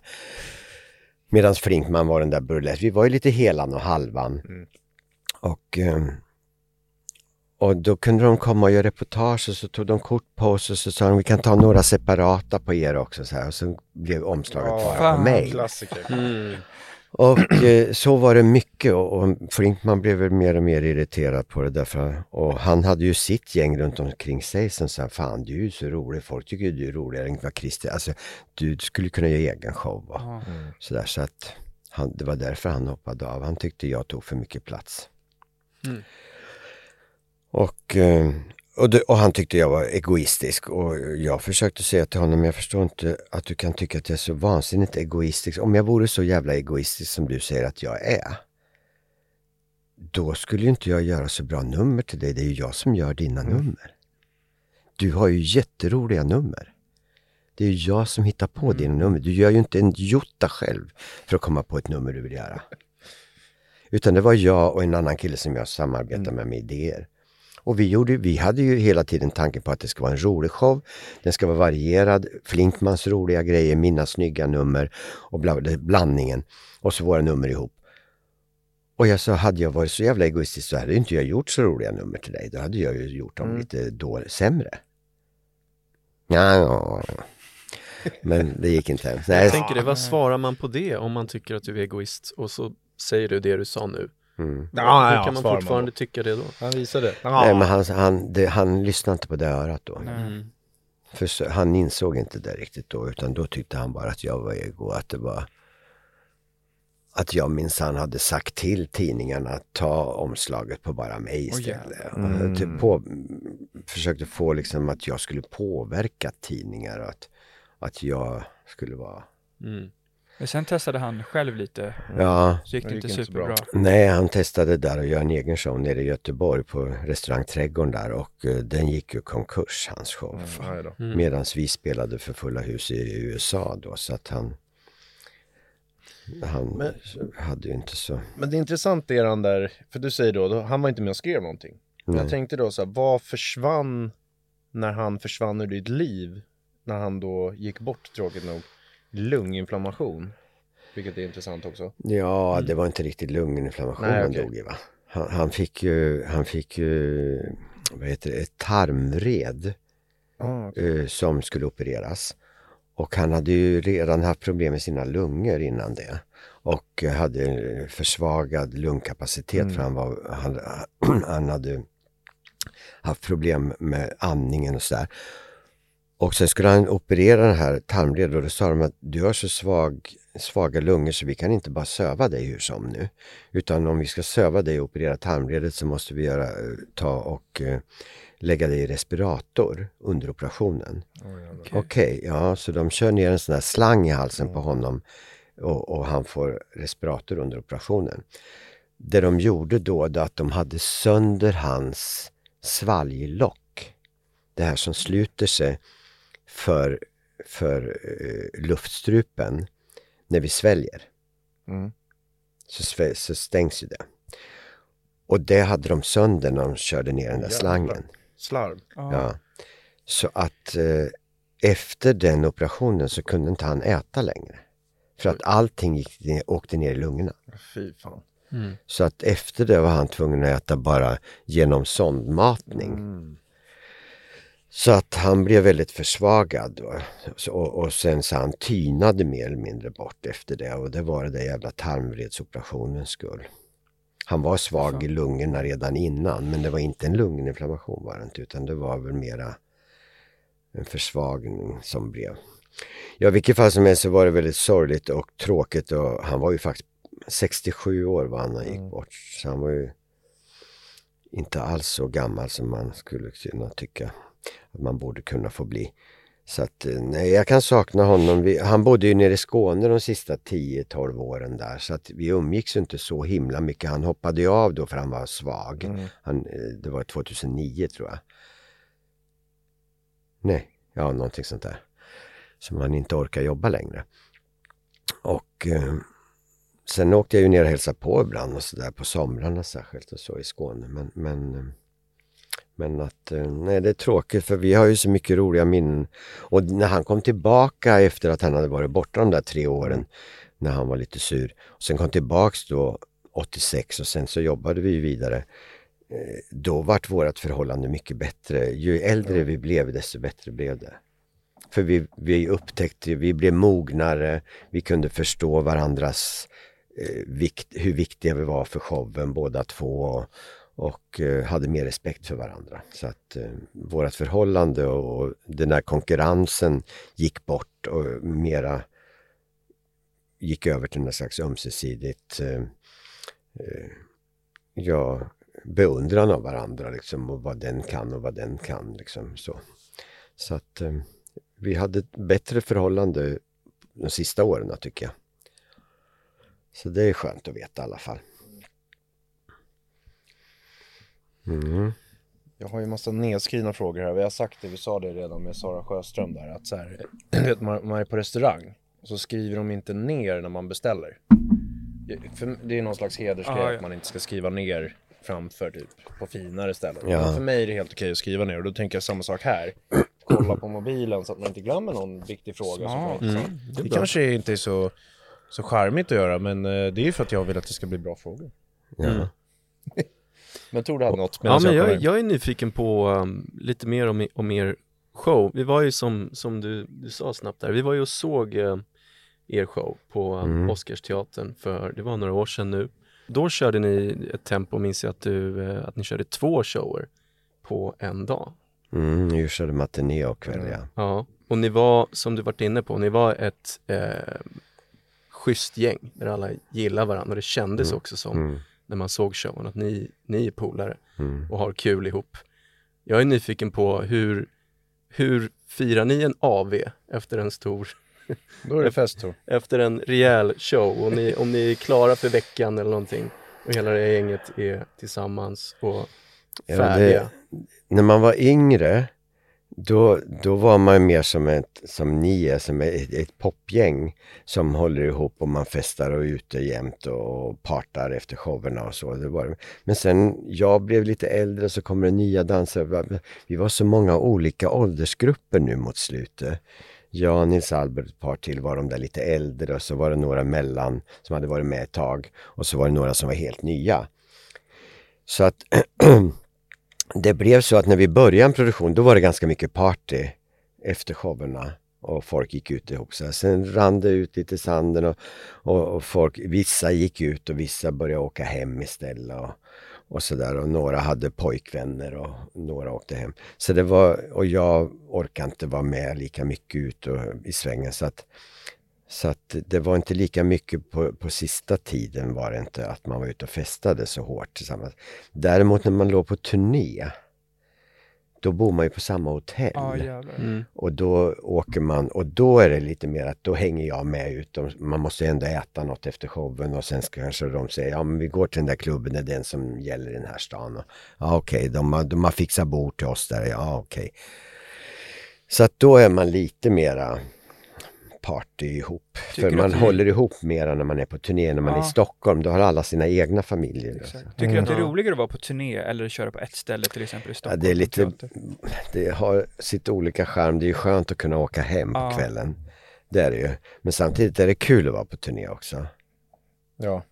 För att eh, då är man som sagt var mera beroende av varandra, att man håller ihop gruppen. Precis, och därför undrar jag också väldigt mycket, för ni tog After Dark till San Francisco, var det? mm, eller hur? Eh, på 80-talet. mm, 84. Ja, hur, hur var det att köra After Dark i USA, men också i San Francisco, för det är väl en väldigt klassisk plats, eh, Ja, tiden. International. International. International och en stor gaystad är det Ja. också. Jo, det var kul. Det var ju tyvärr var det mitt under den värsta aidsperioden. Så att det var det fanns någon slags skräckfilt som låg över hela stan. Och vi hade ju fått mycket varningar att vara inte ute och parta och eh, ragga och grejer för att var och varannan där är smittad och, och ni kan bli smittade och det dö, de dör som flugor där i San Francisco. Och det där, akta er för den där sjukdomen och så här. Så att vi hade ju då till grabbarna sa vi då när vi kom dit att vi försöker hålla ihop, vi går ut och de hade precis öppnat hard, hard Rock Café där. Vi sa vi kan parta lite där och så där är mixat och där är liksom inte så mycket. Gå inte upp i Castroområdet där alla gaybarer och gayklubbar ligger. Vi gör inte det, vi försöker hålla oss för varandra. Så vi gjorde de flesta, det var tre stycken som var ute och festade i alla fall och åkte ut och hade både ragg och, och, och, och lite knull. Alla, alla de dog sen. Oh, jävlar. Så de tre som var ute, som inte brydde sig om det här att skydda sig eller, eller vara försiktig kom hem sen och eh, var smittade. Och så det var både kul att vara där och spela men det var också en, när man tänker tillbaka, en väldigt otäck period. Det var som att ha, att vara rädd för corona upphöjt till hundra Mm, liksom, mm. hela tiden. Det var vi, den världen levde vi gaykillar i på den tiden. Så när corona kom här så sa ju Magnus Skogsberg till min kompis och jag till varandra, det här är väl ingenting. Nej. mot vad vi har varit med under hela halva 80-talet och 90-talet innan det kom bromsmedicin. Det här är väl ingenting med corona, en liten jävla virus. Som, det finns ju i alla fall, kommer ju vaccin inom en, ett år. Men, eh, men det var en väldigt jobbig tid. Men annars, det roligaste med After Dark i San Francisco, det var faktiskt att det är svårt att marknadsföra en sån här grej på grund av att det finns en liten dragshow i varenda gaybar som står i en liten hörna och uppträder bredvid bardisken eller någonting. Och så kommer vi och uppträder på deras Broadwaygata på en teater. Och där ska vi ta betalt och göra en stor show. Och, de, och folk blir lite så här, vad ska vi betala så mycket pengar för en dragshow? Vi har ju dragshow här borta runt hörnan. De förstod inte skillnaden att vi var en stor produktion. Vi hade dansare, vi hade kulisser och klädombyten. Att det var liksom en hel... Vi hade gjort en egen grej. Alltså After Darks typ av show är ganska unik i världen för att vara dragshow. Egentligen som jag brukar säga nu för tiden att egentligen är vi mer en show Ja, ja, i drag Exakt. än en dragshow. För dragshow utomlands står fortfarande och stampar med att någon imiterar Cher och någon imiterar Madonna och någon imiterar Lady Gaga. Och sen så gör de någon liten plymfinal ihop. Men de har liksom inga produktioner. Nej. Så att folk fattar inte riktigt vad det var. Så vi hade då skrivit som annonsering för det här, så hade vi skrivit The, Europe, nej, The Swedish Nightclub Sensation var underrubriken på våran annons. Och helt plötsligt så står det liksom 300 japaner utanför. Och vi bara Varför är det så mycket japaner här utanför som står och ska se våran show? Swedish. De- Allt som är Aha. Swedish Det gillar de. var ju porr. Och naket. Det var ju ryktet av Sverige. Åh jävlar. Vad kul. Mm. Fan, så att. Swedish massage till exempel, det är ju liksom runka av någon eller massera av någon. Det är liksom sånt där. Swedish massage Jag ska ta en sån. Jag tänkte Ja. faktiskt fråga dig om du kollar på porr. på Swedish massage. Nej men jag kan inte kolla på porr för jag- det skymmer så mycket för rutan när jag håller på. Så. För. Men, jo. Men eh, grejen är att då, då, hade, då var det så mycket japaner som stod där ute så vi tänkte vad är det frågan om? Och de kom in och satte sig och skulle titta på våran show där och de bara satt där sura miner och så klappade de händerna efter De bara vänta, när, när ska tjejerna börja klä av sig? När ska de börja klä av sig tänkte de. Fattade de att ni hade klätt ut Nej, er? De fattade inte riktigt att det var Nej. killar heller. Och de fattade inte varför de inte klädde av sig någon gång. Fan. Så då, och då var det någon som sa, men de tror att det ska vara någon slags strippshow det här. Så då var vi tvungna att ändra hela annonseringen så vi skrev The European Nightclub Sensation. Så det gick inte att skriva Swedish. Nej. Men sålde det lika bra ändå sen utan japanerna? Ja, men det sålde nästan mest på snacket att det kom igång. Särskilt inom gaykretsar kom det igång. Ni måste gå och se den där showen. Den är något helt annat än vad vi ser annars här. Så att det blev mer och mer att gaypubliken kom och sen pratade de till sina kompisar. Så det var som vanligt med sådana här grejer. Det är snacket som behöver komma igång. Så var det. Det tänkte jag när vi kollade på er, att man glömmer typ bort att ni har klätt ut er Ja. efter ett tag, för det är bara en bra show liksom. Mm. Ja, Det blir, eh, så det blir inte det som är fokus, fast det är fokus. nej. För att man tittar på det liksom. Ja. Nej men det är för att vi bjuder, dels bjuder vi på att vi blir trovärdiga Mm, och sen bjuder vi också på så mycket. mm, Och det har varit min grej genom tiderna i och med att vi oftast förr, nu gjorde vi mycket mera eget material och mera live sista åren. Men i början var det ju bara meme och vi mimade till andra skivor och andra artister. Och då tyckte jag för att vi skulle ha någon slags eh, att vi skulle ha någon slags eh, vad, säger man, var, varför vi skulle överhuvudtaget få ta betalt för att vi gjorde någonting när vi använder andras material var att vi bjuder på så mycket med kläder och ombyten och, och, och koreografi och effekter och d- vi, vi var ju först med rörligt ljus, vi var först med rökmaskiner, vi var först med konfetti från taket och vi körde allting som vi kunde bjussa på för då tyckte vi att vi hade befogenhet att ta betalt i och med att vi inte hade eget material. Så det, och det gör ju också då att när det är så där mycket som händer, du, du glömmer ju nästan bort att vi inte ens sjunger själva. Nej, exakt. Alltså det exakt. blir, det blir, upplevelsen blir ju total. Så att det, Men det var väl anledningen. apropå alla klänningar och sånt, du designar ju väldigt mycket, alltså som den här klassiska Lindfors tappa klänningen, det är ju du som ligger bakom, det är jävligt häftigt tycker jag. För det är ett av de mest klassiska klippen i svensk historia typ. Jag vet inte om ni har sett dem grabbar? Ni inte så... Men eh, Lill Lindfors i Sverige, Eurovision i Sverige och så tappar de klänningen och Just det det. är Jo, men det har man ju Christer som sett. ligger bakom show, eller hur? Mm. Men också, du designar åt kungafamiljen. Mm. Är det någonting Det man ens får prata om? Jag vill, jag vill veta lite så här, skulle du säga att du känner kungafamiljen? På något? Nej, inte känner kunna jag ju inte umgås ju inte med kungafamiljen. Nej. Men däremot så var ju kung, kungen och drottningen var ju och tittade på oss väldigt tidigt Mm, på mm. 80-talet på Hamburger Börs. Och mitt första, min, min första imitation av drottning Silvia Mm. gjorde jag ju på en välgörenhetsgala på Oscars. När kungaparet satt i en loge bredvid och jag fick en ros som tack av en liten flicka och så gick jag fram till kanten och sträckte Ja, över ja. den rosen till drottningen och hon reste sig upp och tog emot Mm. den. Och den bilden på två drottningar blev ju liksom första Klassiker. sidor i, och det, så att det, och det var ju redan 1977 eller 78 så att det var ju, hon var ju helt ny, hon, de Mm. gifte sig ju 76.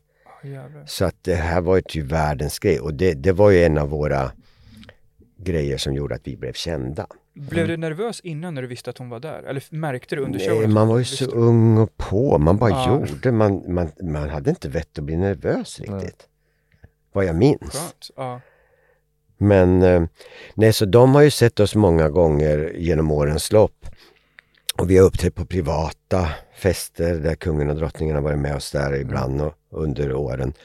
Och sen så har ju även eh, kronprinsessan varit och tittat på den showen ni såg på Oscars var ju kronprinsessan och lilla Estelle och titta på. Och, så de har ju också sett oss och så. Men eh, nu var det väl som designer jag blev tillfrågad Ja. om att eh, göra ett par förslag till kronprinsessan. Men har du kontakt med dem då under den processen liksom? Så? Ja, inte mer än att man träffas för att gå igenom skisserna Nej, och visa ja. upp dem och, och sen eh, få ett godkännande Mm. På att vi ska sy upp ett par av de där klänningarna och sen så eh, att man träffas naturligtvis vid provningar. Mm.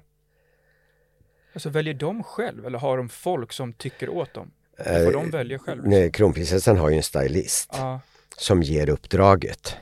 Och sen gör jag några förslag och eh, sen får ju kronprinsessan vara med och tycka naturligtvis. Det är hon som ska ha det på Mm. sig. Så att hon eh, tittar ju och tycker och sen så börjar man sy upp. Och sen, men, men sen måste man ju prova. mm. Så man har ju provningar. Och hon är ju väldigt trevlig och proffsig och på alla sätt och vis. Ja, Och, Men jag tycker de sköter sig väldigt bra Ja. med tanke på vilket, vilket otroligt uppdrag de plötsligt får bara Ja. av att födas i en familj. och när jag nu ser det så här då när vi ska få till provningar Mm. och det ska, ja, när man de är lite inne mer och ser hur, och de, man ser alltså hur mycket uppdrag de har från morgon till kväll. Mm.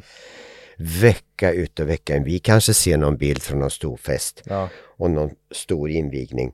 Men de håller ju på varje dag. Och de ska ha snygga kläder på sig både på förmiddagen och på eftermiddagen och så kanske det hem snabbt och kanske duscha av sig och sen ta på sig en aftonklänning för det är någon stor gala de ska på eller någonting. Alltså de, de, alltså. de håller ju på hela, det var ju, ibland var det nästan omöjligt att få till en timme att prova. Mm. För att det är sånt, jag var chockad. Jag tror inte någon i Sverige inser eller förstår hur mycket, vilket schema de har alltså. Nej. Det är helt galet. Och att sköta den rollen då, inte säga något, för då, säga något dåligt eller någonting. Det är, vilken tur det är att de är så bra människor verkar det som. Ja. Det hade ju kunnat, vara, kunna komma vilken idiot som helst i en så här Ja, familj ju. Ja, det är ja. ju Skandaler. skandal på skandal liksom. Ja. Så det är ju, ehm, Nej, det var väldigt kul och ärofyllt att få göra. Och så fick jag göra till lillflickan också. Det var ju kul. Lilla Estelle fick jag göra klänning till nu. ja, Mm. kul ju. För hon skulle ju iväg på någon...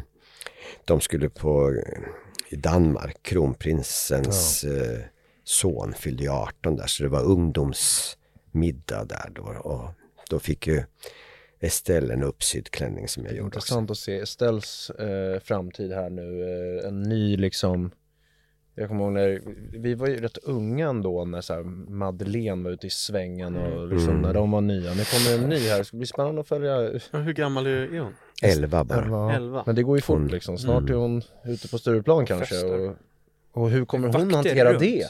Ja. Det är ju skitintressant. Ja, faktiskt. Eh, men till en helt annan grej, jag tycker du umgås ju med DJ Hunk. Det är väldigt kul och vi umgås ju också. Men, eh, men eh, en rolig sak som jag vet har luskat ut, det var att när, när han följde med dig upp när du skulle bli hyllad på Melodifestivalen. Ja, Eh, så följer han med upp när jag var sitt hotellrum. mm. Och så får han, de, har skrivit fel. Så han får det schysstare rummet som du skulle haft ja just det. först. Och då säger, säger Hunk i alla fall, eller säger han, gestikulerar ju då. Men att, att du var okej med att han fick behålla det bättre rummet. Ja, Ja. Och stod på dig för han bara, nej men du måste ha det. Så bara, nej men du kan ta det. Och det visar ju en otrolig fin sida. men vi jag, skulle vara sova där hotell. en natt. Ja. Och man skulle dit på dagen och vara med på rep. Ja. Och sen skulle man bara hem och fixa till sig och sen skulle man köra och sen var det efterfest och sen ska man bara sova några timmar. Ja. Mig skitsamma, han hade utsikt, han fick ett stort rum med utsikt över havet. Ja. Och, och, Och lite fick så och jag fick ett lite tråkigare rum mot gatan. Ja. Men då sa jag, men gud, vi byter, du kan ta det där rummet, Ja. herregud, spelar ingen roll. ja men det visar ju en fin sida. Ja, det var ju roligt för honom också, han fick ju ragg dessutom.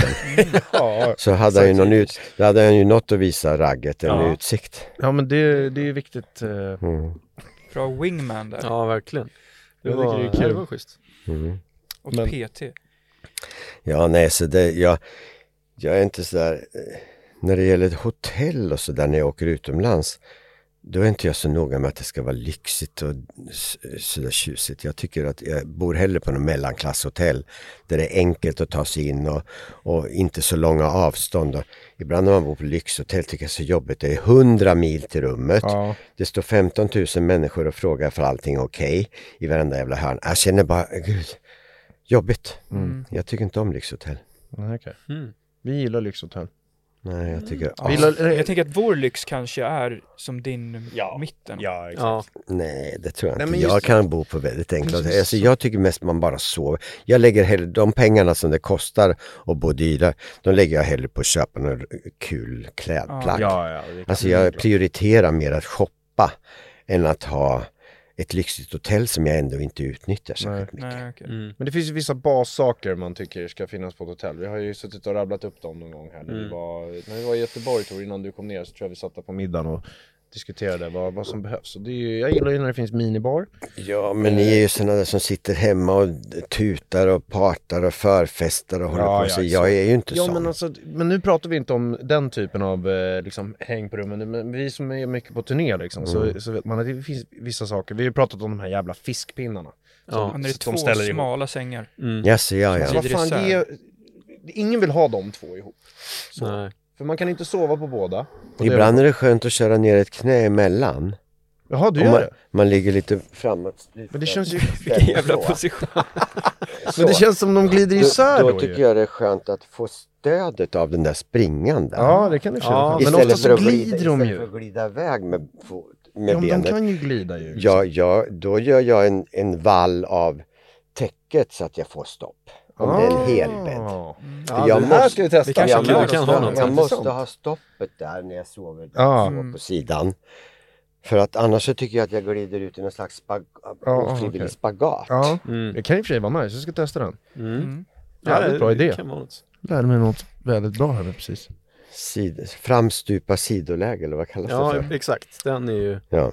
Och apropå hotell också, du ska ju till Kanarieöarna nu imorgon va? Och sen så ska du till Jävlar. Amsterdam och då, då känner jag bara så här att Kanarieöarna det är ju solsemester, bara härligt liksom, det är klart man ska. Vi ska ju till Thailand också, det blir magiskt.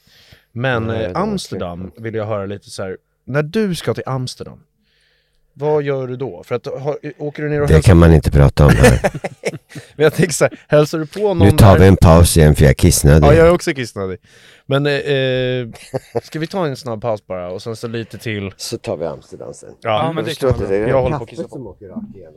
gå tillbaka då till, ja, du, du ska resa till Amsterdam och det är bara intressant att veta för att jag tänker, eh, jag har tänkt mycket på så jag vill, jag vill resa lite mer. Jag var i Litauen nu i helgen här med- och hälsade på en basketkompis och sen så men när man åker till en ny stad så vill man ju gärna ha någon på plats som vet hur stan funkar så att man kan göra det roligaste av stan. Har du någon där nere i Amsterdam som du ska hälsa på eller? Nej men jag har varit mycket i Amsterdam. Och eh, jag åker ju, nu för tiden åker jag ganska ogärna till ställen jag inte har varit på. Ja. För just den grejen att man orkar inte komma ut från ett hotellrum eller ett hotell och inte veta om man ska gå till vänster eller Nej, höger. precis, liksom. precis. Jag orkar inte det längre. Det kan man, det gör man när man är ung. Ja. Då utforskar man och håller på. Så har man gjort med både London och New Mm. York och Paris och sådär. Men, men det orkar inte jag längre Nej. riktigt. Utan som Bangkok till exempel, där fick jag ju hjälp av en kompis som har verksamhet där nere. Mm. Och han visade mig vad som var ballast eh, shoppinggrejerna, vad som var häftigaste restaurangerna eller kul restauranger eller bra enkla Mm. restauranger som bara lyser i taket, sådana här riktiga thailändska i, i, familjekrogar Ja. som ligger avsides. så han visade mig alla bra grejer så att, och då får man ju så bra intryck av en stad Ja. när någon har visat istället för att stå så här wow, och Ja. se trafik Precis. far. Precis. Man blir tokig. Men så Amsterdam har jag varit mycket Ja.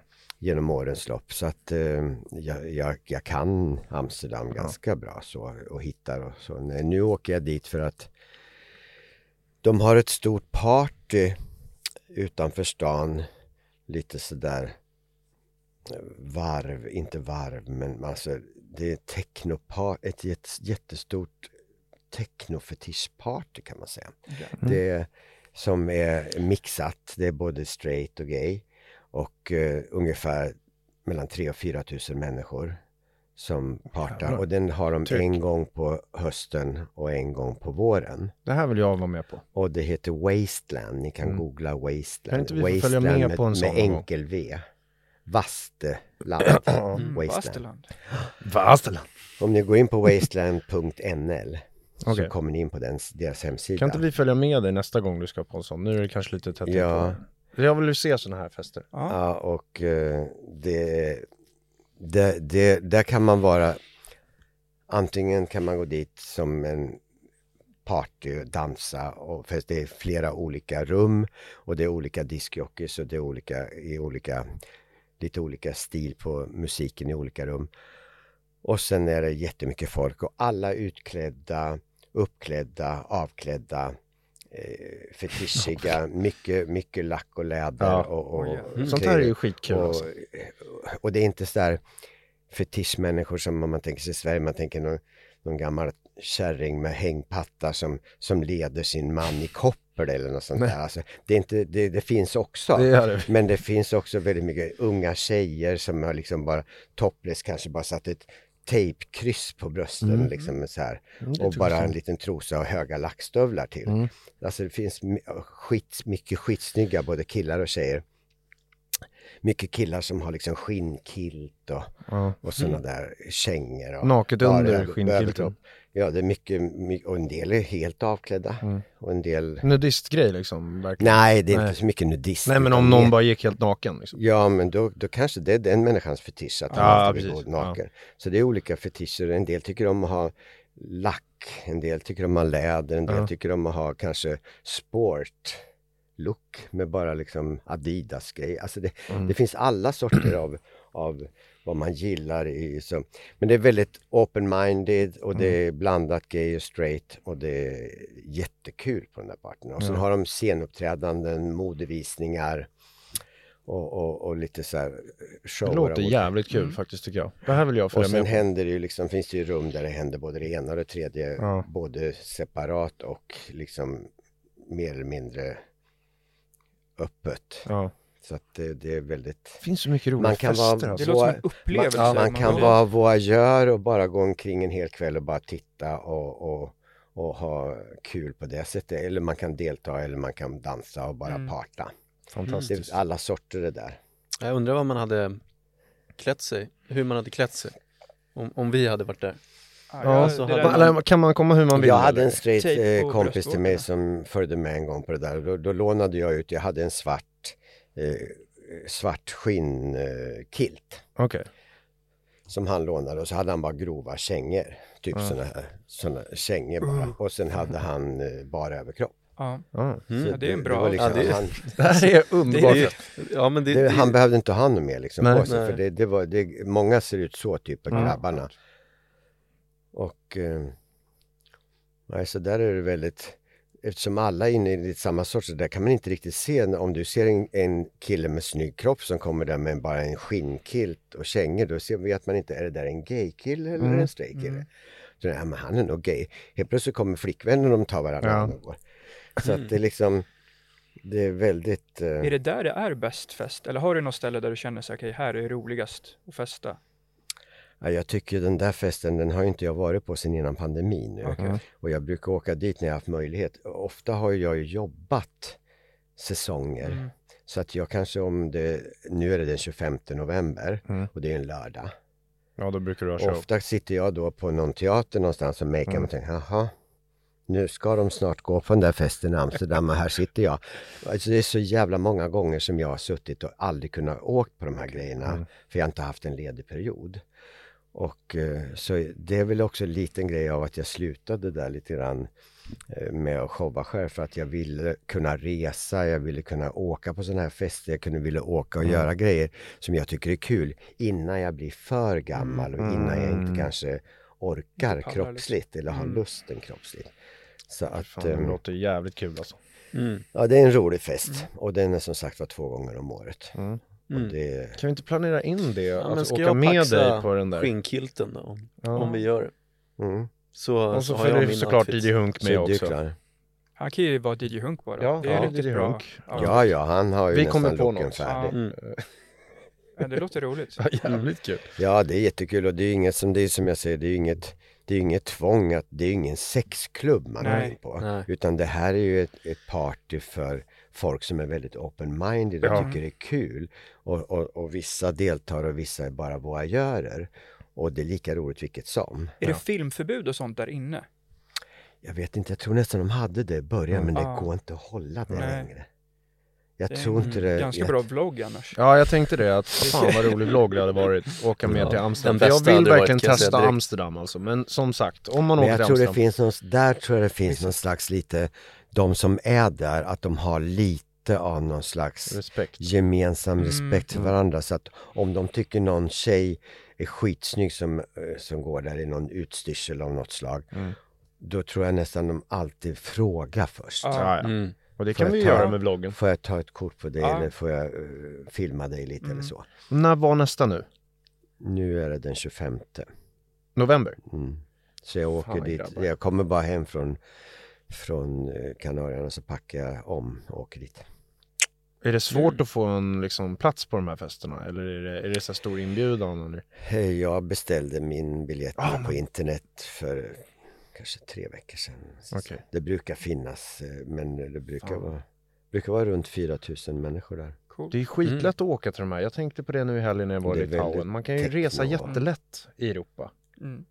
Så att eh, det här låter ju som en utflykt grabbar. Mm. Och nästa kommer ju då i april. Ja, Mm. kanske kan sikta på den då. Ja. Det är, mys- det mysigare att åka ner eh, på våren till ja. den festen. Men vi vill då, åka med dig. Då kommer, det- då kommer liksom hela det här Ja. med att man eh, kan sitta på utekafé Ja. och det blir lite mysigt att vara Exakt. ute.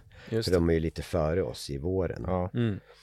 Så det brukar vara så vackert, det brukar vara så mycket tulpaner då va. Mm. Du vet hela Holland-grejen. Mm. Så att Ja. det, då är det så vackert där överallt i alla parker. Och, Det är schysst. så det är ju ett, ett alternativ att boka in. Det Mm. brukar vara någon gång där runt 20 23 någonting sånt där. och du åker inte April. du igen om du åker nu? Jo, det kan jag Ja men säkert bra. göra. Kan vi inte styra upp det Ja, då kan vi Det är väl det. skitkul. Ja, Och DJ Hunk får åka med. Han är ju lite så här rese... Reseledare. Han, resfeber har han ju ibland. Aha. Mm. Men vi får med honom till Amsterdam tycker jag. Mm. du får kilten, ni, ni får bara varsin kukring. Ja, Ni får ingen mer. Perfekt. det, det funkar. Det är det enda ni får, ni behöver inte ha mer på er. Kanske Nej. solbriller. Ja, Ja. solbrillor Ja. kan du ha. Ja. Men Mm. annars så. Alltså, Det vore häftigt. vi har, ju, vi har ju snackat ganska länge nu, men jag har, jag har några sista frågor här innan. Vi har ju, det är ju så öppet och fritt att prata så det är så skönt. Så vi, det har inte Okej. bara varit så här, fråga, svar, fråga, svar. Det är inte Nej. så kul. Men, eh, men, men det, det är eh, en, en, en först bara. Eh, du känns ju så här alltid lugn och glad och liksom så här eh, livsnjutare lite grann kan jag känna. Eh, kan du bli riktigt jävla lack ibland och vad skulle det kunna vara? Alltså kan du... Ja, tok, toklack liksom. Utbrott. Får du någonsin så? Bli sur. Inte så ofta men jag tycker att, min, att jag på senare år kan bli lite mer så förbannad på saker och ting. Mera. Jag har oftast haft ett ganska jämnt humör. Mm. På gott och på ont. Men, men, men eh, jag tycker att eh, jag kan reta mig på saker och ting mera nu för tiden. Har du något exempel? Ja, jag vet inte för det är så svårt att komma på exempel. Vad var det jag retade mig på häromdagen? Oh. Nej men jag kan reta mig på det folk skriver eller lägger ut eller... Oh. Nej, jag kommer inte på, jag kommer inte på något bra exempel just nu. Men... eh, Du gillar ju sport väldigt mycket. Blir du skitsur när eh, de du hejar på förlorar till exempel? Ja, det är klart att man blir, om det, jag tittar ju inte på sport i, i på allsvenska nivå eller vad jag ska Nej. säga så, utan jag tittar ju när det, när det är landslaget eller när det är eller när det är, vad heter det, EM, VM, OS och så. Nu kollar jag ju matchen mellan Elfsborg och, och Malmö FF här häromdagen, gjorde jag i och för sig. Men, men, men, och det var ju lite kul och lite konstigt också med den där långa pausen som blev, såg ni den? Nej. Nej, det missar vi. Var det något strul? Nej men det var ju halvlek och då var det ju, då började de med bengaler och Ja. grejer så Ja, hela brandlarmet gick ju. Mm. Så istället för att det var 20 minuter paus så blev det liksom en timme och fem minuter. Åh jävlar. Jävlar. För de var tvungna att gå tillbaks, de hade sprungit ut på plan och skulle börja andra halvlek och sen fick de lov att gå in igen för det började komma så här brandlarmsprat och alla skulle lämna arenan. Nu behövde de inte göra det till slut men först var det så här förvirrat. Och det, ja, det var massa sådana där härvor. Men, men, eh, nej men, eh, vad kom vi fram, vad var frågan egentligen med sporten? Nej men bara om, om du blir lack på någonting. Bara det är så kul att tänka Ja, då kunde jag bli lack på det lack. där jävla daltandet med supportrarna som kallar sig för supportrar fast Ja. de bara förstör. Förstör. Och sen, att, sen inför de någon slags väskförbud Ja just det. och grejer. Och ändå lyckas de ta in både marschaller, eh, fyrverkerigrejer och, och sådana här bengaler. Och, och hålla på. Vad fan, var Kanske har jag kör vi? lite samma som dig där, de lägger den i kallingarna och viker bak den eller något. Ja, Ja, precis. så får den plats där. Ja, eller säg att jag heter Christer Lindar. Exakt. Ja. Ja. Och så är det en jävla raket istället. ja. Nej men Raket är ett bra ord Ja. för trestegsraket. Nej men det var som nu när Madonna var här för några veckor sedan och då, då var det ju sådana köer för då var de jättenoga. Ja, jag hade en fråga om Då vet Madonna du där. vad, så här känna nästan som på Jaha. security på Arlanda om du hamnar de tar in dig åt sidan och ja. känna Ja. liksom ordentligt. Så var det på varenda människa. Och, och det är därför det blev så, hon är alltid försenad när hon ska uppträda i och för sig. Men det blev jätteförsenat med insläppet för när, när, när det skulle ha börjat då var inte hälften av köerna Mm. Just- inne. Fan, det där är irriterande. För att de, då var de jättenoga med det här med, Mm. med eftersom vi har ett ökat säkerhetsnivå Exakt. och, och allting nu. Så att eh, och så jag förvånas över dem. Det, det kan reta mig att de inte kan stoppa de där huliganerna Ja. på, på sportevenemangen. Men där att det tar tid att sätta igång showen. Jag var ju på Ricky Gervais också i torsdags och eh, studerade lite så här, när börjar showen? Om det, det står på biljetten. Alltså det är olika på alla evenemang man går på. Alltså så här, till exempel om vi spelar på en klubb, då skriver ofta klubben typ 23, men vi kör ju 00.30 när alla är inne. Mm. Men, men eh, har du alltid varit så här, på din biljett, om det står 19.30, då börjar det 19.30? Ja, alltså när vi blev mera stora eller när vi kom till större ställen efter vi hade våran klubb. När vi hade våran klubb då körde vi runt midnatt. Okej. Och det kunde vara Ja, det stod bara runt mig. Ja, Okej. och då kunde det vara tio över tolv, Ja. det kunde vara halv ett, det kunde vara kvart i ett. Mm. Det var väl lite beroende. Då var vi inte lika noga. Nej. Men sen när man började på nattklubb och det var liksom middag och eh, börsen då, det var Mm. en middag och så skulle showen börja.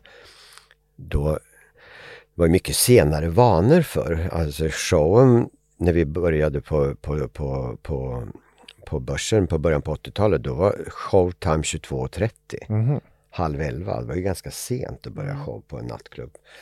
På ett sånt ställe då. Men det var då, nu är det väl 21 Mm. showerna brukar vara. Men då var det 22.30 när vi började. Ricky Gervais var Och då 19.30. gäller det att börja. Vad sa du? 19.30 var Ricky Gervais, men det är ju stand-up. Ja. Nej men så att eh, då har vi väl hållit tiden. Förutom en gång när du pratade om kungligheter förut så då prinsessan Birgitta, en av kungens systrar, fyllde 50 och hade stort 50-årskalas. Så alla kungligheter och kompisar hade varit och sen så ringer en människa och säger Hela gänget vill komma ner och se showen. De har ätit middag nu, bla bla bla, de vill komma till börsen till er. Och då fanns det platser uppe på läktaren där så vi sa det, ja men då spärrar vi av där uppe och så tar vi in dem köksvägen. Ja, Det blir jättebra, okej.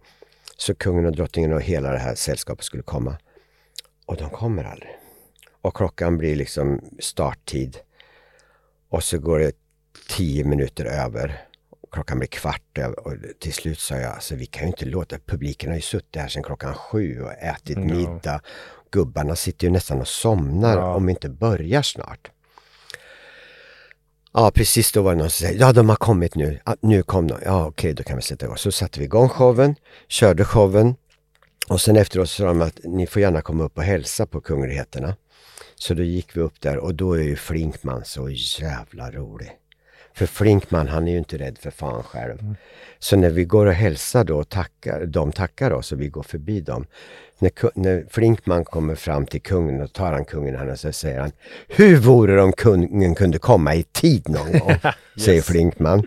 Med sån där liten stark röst. Kraftig röst. Ja, och inte en min. Ja. Och kungen blev som ett litet barn och började stamma och sa Ja, det, det, vi, vi, väntar, det var bilarna för att de, de hade inte åkt från slott och de skulle hämta, hämta upp oss efter där vi var och, och det, det, det, det är därför vi blev och sen bröt ju Flinkman bara ihop och började Ja, skratta. Jag skojar bara så här. Men han, han är ju inte Kul. van att någon, han är inte van att någon säger Nej. så. Nej, Utan, nej. hur vore det om kungen kunde komma i tid någon gång? Jag tror många trippar Mm. på tårna runt kungen. Ja, Ja, Jag har en känsla av det. Ja, Mm. och det, jag höll ju på att skämmas ihjäl som stod bredvid men, men sen fattade ju kungen också att det var bara ett skämt från Flinkmans sida. Men det var, han, var, han var modig där, Flinkman. Han Ja. vågade vad som helst.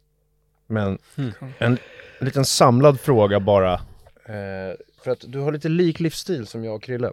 Du tycker inte om papper. Det var någon gång när du hade skrivit på något papper, du orkar inte, varför jävla papper? Håller på att läsa papper, det orkar man inte göra. Så du skrev på någon gång så blev det nog lite kanske strul med typ så här vad som skulle betalas och sånt på någon show. Eh, Jag vet inte vad det betyder. Men, men och, och sen den här då, dygnsrytmen, det är exakt samma. Vi, vi lägger oss typ samma tid. Mm. Eh, typ, du somnar typ halv fem där någonstans. Ja, alltså det är lite olika men jag brukar säga som så att lägger jag mig före tre på natten lägger jag mig tidigt. Ja, Mm. precis. Ja men det är samma. Och när går du upp då? Nej men om jag lägger mig tre då vill jag ju sova till elva. Ja. Åtta För jag timmar. vill ju ha mina åtta timmar. Men nu kan jag tycka att jag vaknar till lite oftare. Men det kanske har med åldern att göra, att man inte behöver lika mycket. Eller att man, men men ehm, jag vill gärna ha åtta timmar att sova. Och så var det någon läkare eller någon så här forskare eller vad det var om typ sömn och sånt som hade kommit fram till att det är ju faktiskt eh, det, det kan vara bra att leva. Ja, Ja, jag var, jag, för alla vi som är nattmänniskor får ju alltid veta att vi är dåliga människor. Mm. För att allting som har med, med tider och Ja. vakna och jobb och så är ju upp, riktat på morgon.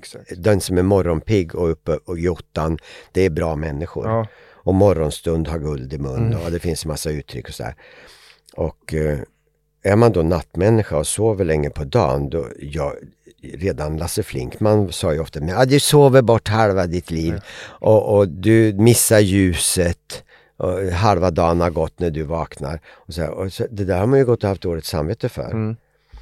Sen var det då en, en sömnforskare som heter Torbjörn Åkerstedt som var på, på, på radion och höll ett prat. Och han, han sa så mycket bra saker så det var så mycket tegelstenar som Ja, lossnade från min. Så att när jag var med i Stjärnorna på slottet sen, då bjöd jag in honom Mm. och pratade med dem i gänget som jag hade med i den omgången där om det värdefulla med att inte göra någonting. Ja. Att bara slappa, att gå hemma en hel dag och bara nästan inte gå ur myskläderna Mm. och knappt borsta tänderna och bara hänga. Det ska man inte ha dåligt samvete nej. för. För han säger att hjärnan behöver återhämtning. Och hjärnan, många som stressar och går in i väggen, de har ju ofta ett stressigt jobb. De kanske har fru och barn som ska skjutsas hit och dit och hålla på. Och sen har de helg. Mm. Och då har de tennis och så har de eh, något annat och så ska de skjutsa ungarna till hockey och så ska de göra det och sen ska vi göra det. De har lika mycket schemalagda grejer på helgen. Mm. Och hjärnan vet inte om att det där är roliga grejer. Nej. Att det, där är reaktion, att det där är någonting man gör på sin helg för man tycker det är kul. Utan hjärnan känner bara att det här måste jag hålla reda på, det här Ja. måste jag hålla reda på, det här måste jag hålla Precis reda så. på. Och då får de aldrig avkoppling. Nej. Vilket gör att hjärnan återhämtar sig aldrig. Och när han berättar de här grejerna så kände man, gud vilken bra människa. Så jag bjöd in honom då och pratade om det där på Stjärnorna på slottet. Och då frågade jag honom lite vid sidan om, sen jag sover ju på dagarna, säger jag. Hur farligt är det med ljuset, att man inte får det här man behöver med ljus och, och så. Och då sa han till mig, eh, gör du det jämt eller har du ibland sover du länge och ibland går du upp tidigt och så? Nej men det är nästan alltid så. Jag lägger mig nästan aldrig före klockan tre och så sover jag till framåt elva. Ja då är det ingen fara, sa han. För de som lever farliga, sa han, det är ju de som skiftar. Mm. Och de som Ja. jobbar skift och så. För att han sa det, ha, ljus, det hinner du få i dig ändå. Den där lilla delen D-vitamin som du behöver, den får du i dig i alla fall. Ja. Eller också kan du ta en vitamintablett. Mm. Så det behövs inte, utan rutinen och att du kör ungefär samma regelbundenhet. Det är det viktigaste. Sen om du sover på dagen eller natten spelar ingen roll. Nej. Där hade du en förebild då som gjorde att du fick Ja, det var Jag så tycker du har varit skönt. lite det för, för, för mig och, eller för oss, för att jag brukar ta dig som exempel om någon håller på att klaga på mig. Mm. Så då kommer nästa steg, då tar jag dig och, och, och, du hade honom. Sen har vi också Anders Hansen Ja, som pratar om nattmänniskor, att det är ju eh, Det finns ju. Så Mm. att, eh, och sen frågar alla alltid så här, vad gör du på kvällen? Det är ju exakt som alla andra bara gör på kvällen. Bara att det är väldigt lugnt och skönt. Mm. Och sen så är det jävligt skönt att det aldrig blir stress med någonting. För att om man till exempel måste mejla någonting till någon, då kommer ju den inte läsa det förrän nio på morgonen. Så att jag har ju hela natten på mig att mejla. Jag kan göra det, om jag bara gör det innan jag somnar, Mm. så är det lugnt. Och det blir aldrig någon stress heller att somna. Nej. Många kanske säger jag måste somna klockan tio. För att man ska upp då. Ja. Eh, Men, men jag känner liksom så här att eh, jag låter kroppen somna när den vill somna. Mm. Och så går man upp sen. Och det är väl såklart kanske inte så lätt att ha det, den möjligheten om man nu måste upp till jobb och sådana där saker. Nej, det beror ju på vad man har för liv Ja. och vad man har fru och barn och grejer och sådär. Det är klart naturligtvis, det blir Mm. ju skillnad. Men, men, men annars så, så spelar det ju ingen roll liksom, om du sover på dagen eller på natten. Eller, Jag trivs väldigt bra på natten. ja. Och många som jobbar inom kreativa yrken som ni med musik Mm. och jag då till viss del också med både musik och med show och idéer. Många, många och även konstnärer och författare, många skri- säger ju det att de, deras hjärna kommer inte igång förrän efter Exakt. midnatt. Det är först efter midnatt när allting lugnar, det blir Mm. tyst. Det är då det kreativa kommer hos många människor. Mm. Så det är ganska vanligt bland kreativa Det är härligt. människor. Mm. Och det Är du morgonmänniska? Tor illa, lilla. illa, illa tvungen tyvärr. Det, är- det är Har det du man barn då? Men du har flickvän? Nej, jag är inte barn, jag har en sambo. Ja. Ehm, men jag gör grejer där jag måste upp tidigt. Jag Mm. pluggar och sånt där. Så Ja, för, okej. ja. Men det, jag har inga problem du är lite faktiskt. mer morgonmänniska än oss tror jag, om du inte hade Du är en vanlig Ja. människa du. Jag, Ja, jag tror vanligt. att jag är mer vanlis, Mm. kanske. Ja. Men eh, Vad pluggar du? eh, psykoterapi, alltså. Mhm. Så det, det är kul. Du har läst rakt igenom mig nu och sett, Nej. du, har sett, Nej, nej. du har sett allt vad jag har ljugit om här. Nej, det tror jag inte. Ljugit. Jag har hört att du har snackat om att eh, det ska bli en, eventuellt en After Dark-film. Mm. Det har varit på Eh. gång några gånger. Men den, eh, så, så frågan är då, hur, hur går det? Händer det någonting? Eh, och om det händer någonting, finns det någon casting man kan gå på? Och söka någon roll? Vill du spela mig? Ja, ja, det hade varit fantastiskt. Ja, nej men den ligger väl, den är, den var ju på väldigt mycket på gång där 2015, 2016 där. Eh, och, eh, eh, men sen var det ju en klausul i vårat, det var med de här Filmlands som gjorde Bron och alla de här serierna. De, de var intresserade och sen så gjorde Edvard af Sillén och, Daniel Rehn gjorde ett första manus på After Dark Story. Och eh, jag tyckte aldrig det blev riktigt Mm. Och då hade vi någon klausul att jag måste godkänna manuset för att det ska bli något. Mm. Men jag kunde inte tycka att det var så rätt. Det var för mycket saker som inte stämde. Det var för mycket saker som var påhittade. Jag förstår att man måste dramatisera ganska mycket för att det ska bli kul som film. Men jag tyckte ändå vi hade så pass mycket som var originellt. Och sen var det ju också tänkt att det skulle vara eh, ganska mycket show. Alltså man skulle jobba lite som Dreamgirls, att man ser shownummer. Att det är Ja, liksom ja. glass, Det glassigt, att det skulle bli en verkligen en musikalfilm Mm. av det hela. Och, sen, och då är det ju också mycket det här med rättigheter på musik och om vi ska mima eller showa. Alltså det, det är ganska jobbigt att lösa. Men sen så gick det några år där och sen så tröttnade väl de här Filmlands på mig lite grann så att det blev liksom lite så här lagt på is. Och sen blev det i alla fall så nu är det Nordisk Film som har tagit över rättigheterna. Ja, det, de är väl bra? Ja. Så nu är det Nordisk Film och nu sitter Ella Lemhagen och bearbetar manuset och försöker göra någon egen variant på det. Men just nu filmar hon ett annat projekt. Så att just nu ligger det lite på is igen för att hon har ett annat jobb emellan. Men så, så sent som i somras så hade vi några träffar hon och jag när hon hade lite frågor om saker och ting. Så, här, så. vi får se. Det är inte, Ja. det är inte stekt. Nej men, Men- kul, jag, men- alltså jag tror rollen som dig hade jag nog inte vågat Vem vill jag kanske, Den men någon, någon biroll eh, kanske hade jag lätt velat mm. Ja, ni får, casting. väl, ni får väl hänga fram nu får vi se vem som passar bäst. Ja, det är, Men Det apropå också så här, eh, nutidsproduktioner där med eh, tv och eh, serier. Du gör ju Bonusfamiljen som vi har sa- sagt också så här som du sa tidigare idag också att du blir igenkänd av de yngre mer på grund Ja, av det nu. ja. Det är en ny eh, start, ny Ja, start de på där små ungarna som kommer fram och säger ja, jag såg det i bonusfamiljen och så här. De har ju ingen aning om vad After Dark är. Nej, precis. Utan de, ser ju, de har ju bara sett det här. Ja, Så det är lite kul. Ja. Vad roligt ju. Men det Vi vet jag inte Frank om det blir någon fortsättning på heller, vet jag inte. Nej, okej. Vi hade ju Frank Dorsin med i våran musikvideo till eh, första gången i en epa. Mm.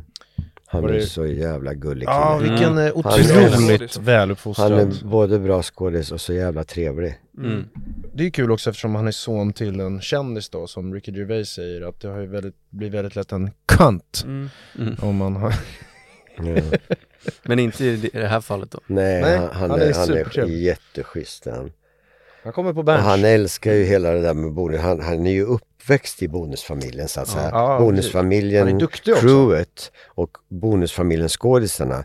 Det är ju nästan en bonusfamilj för honom. Ja. För han var ju typ 8-9 år när han började med det där. Mm.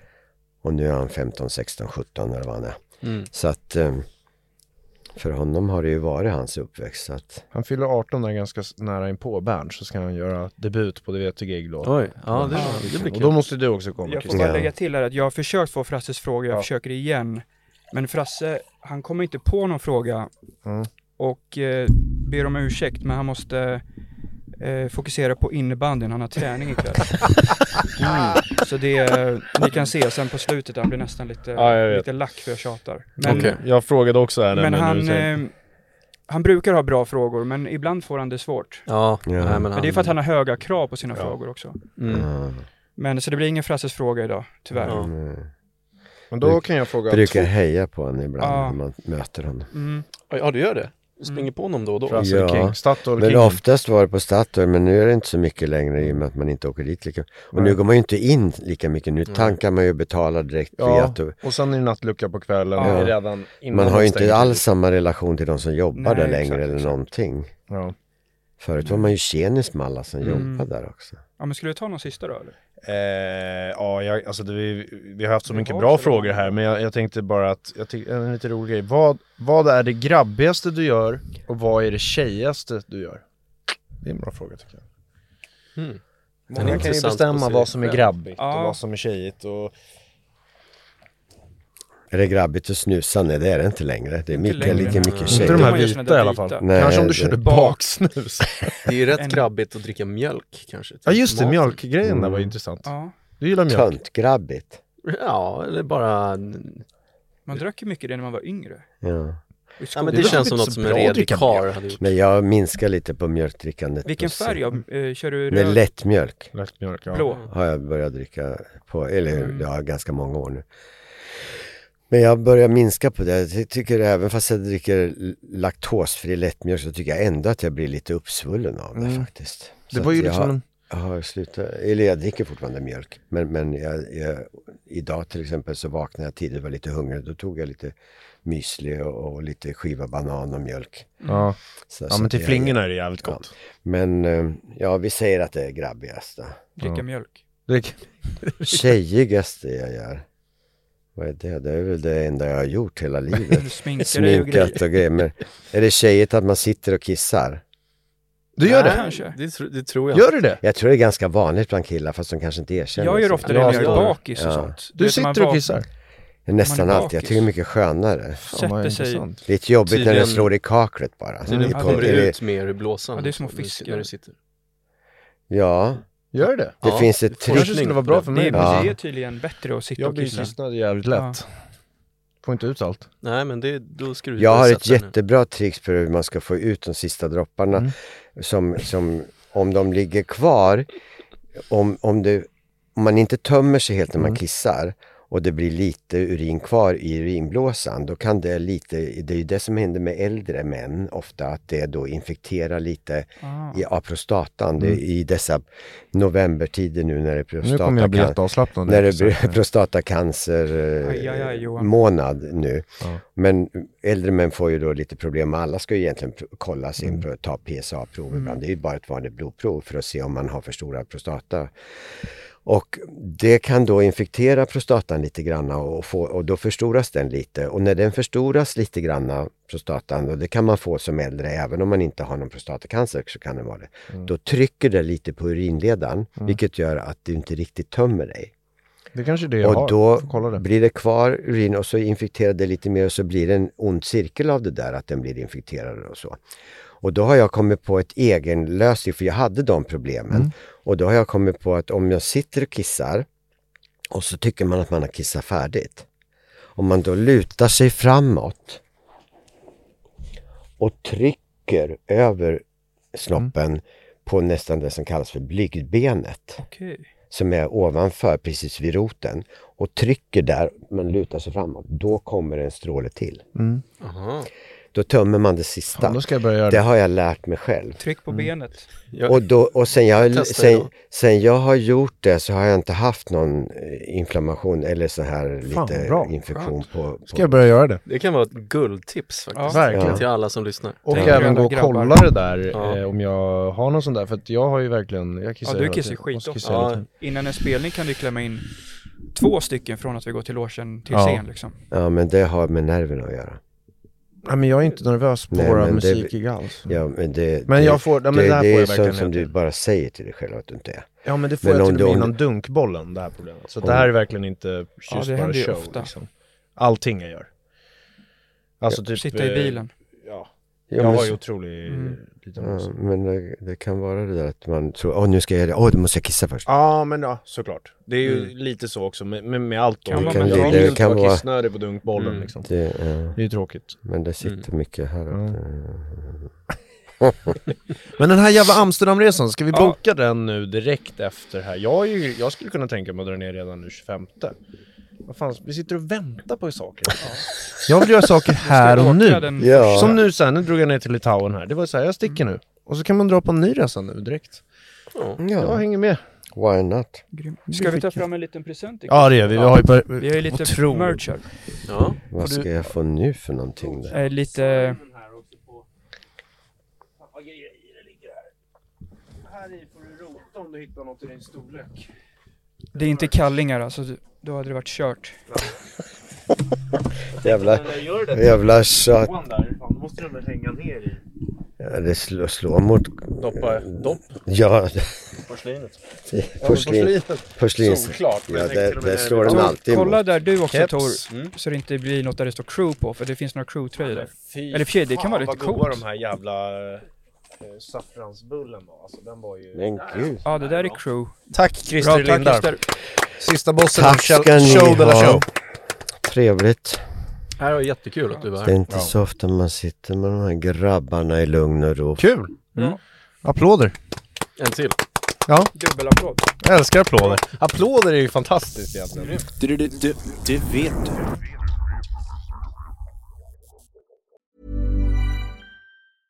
Even when we're on a budget, we still deserve nice things.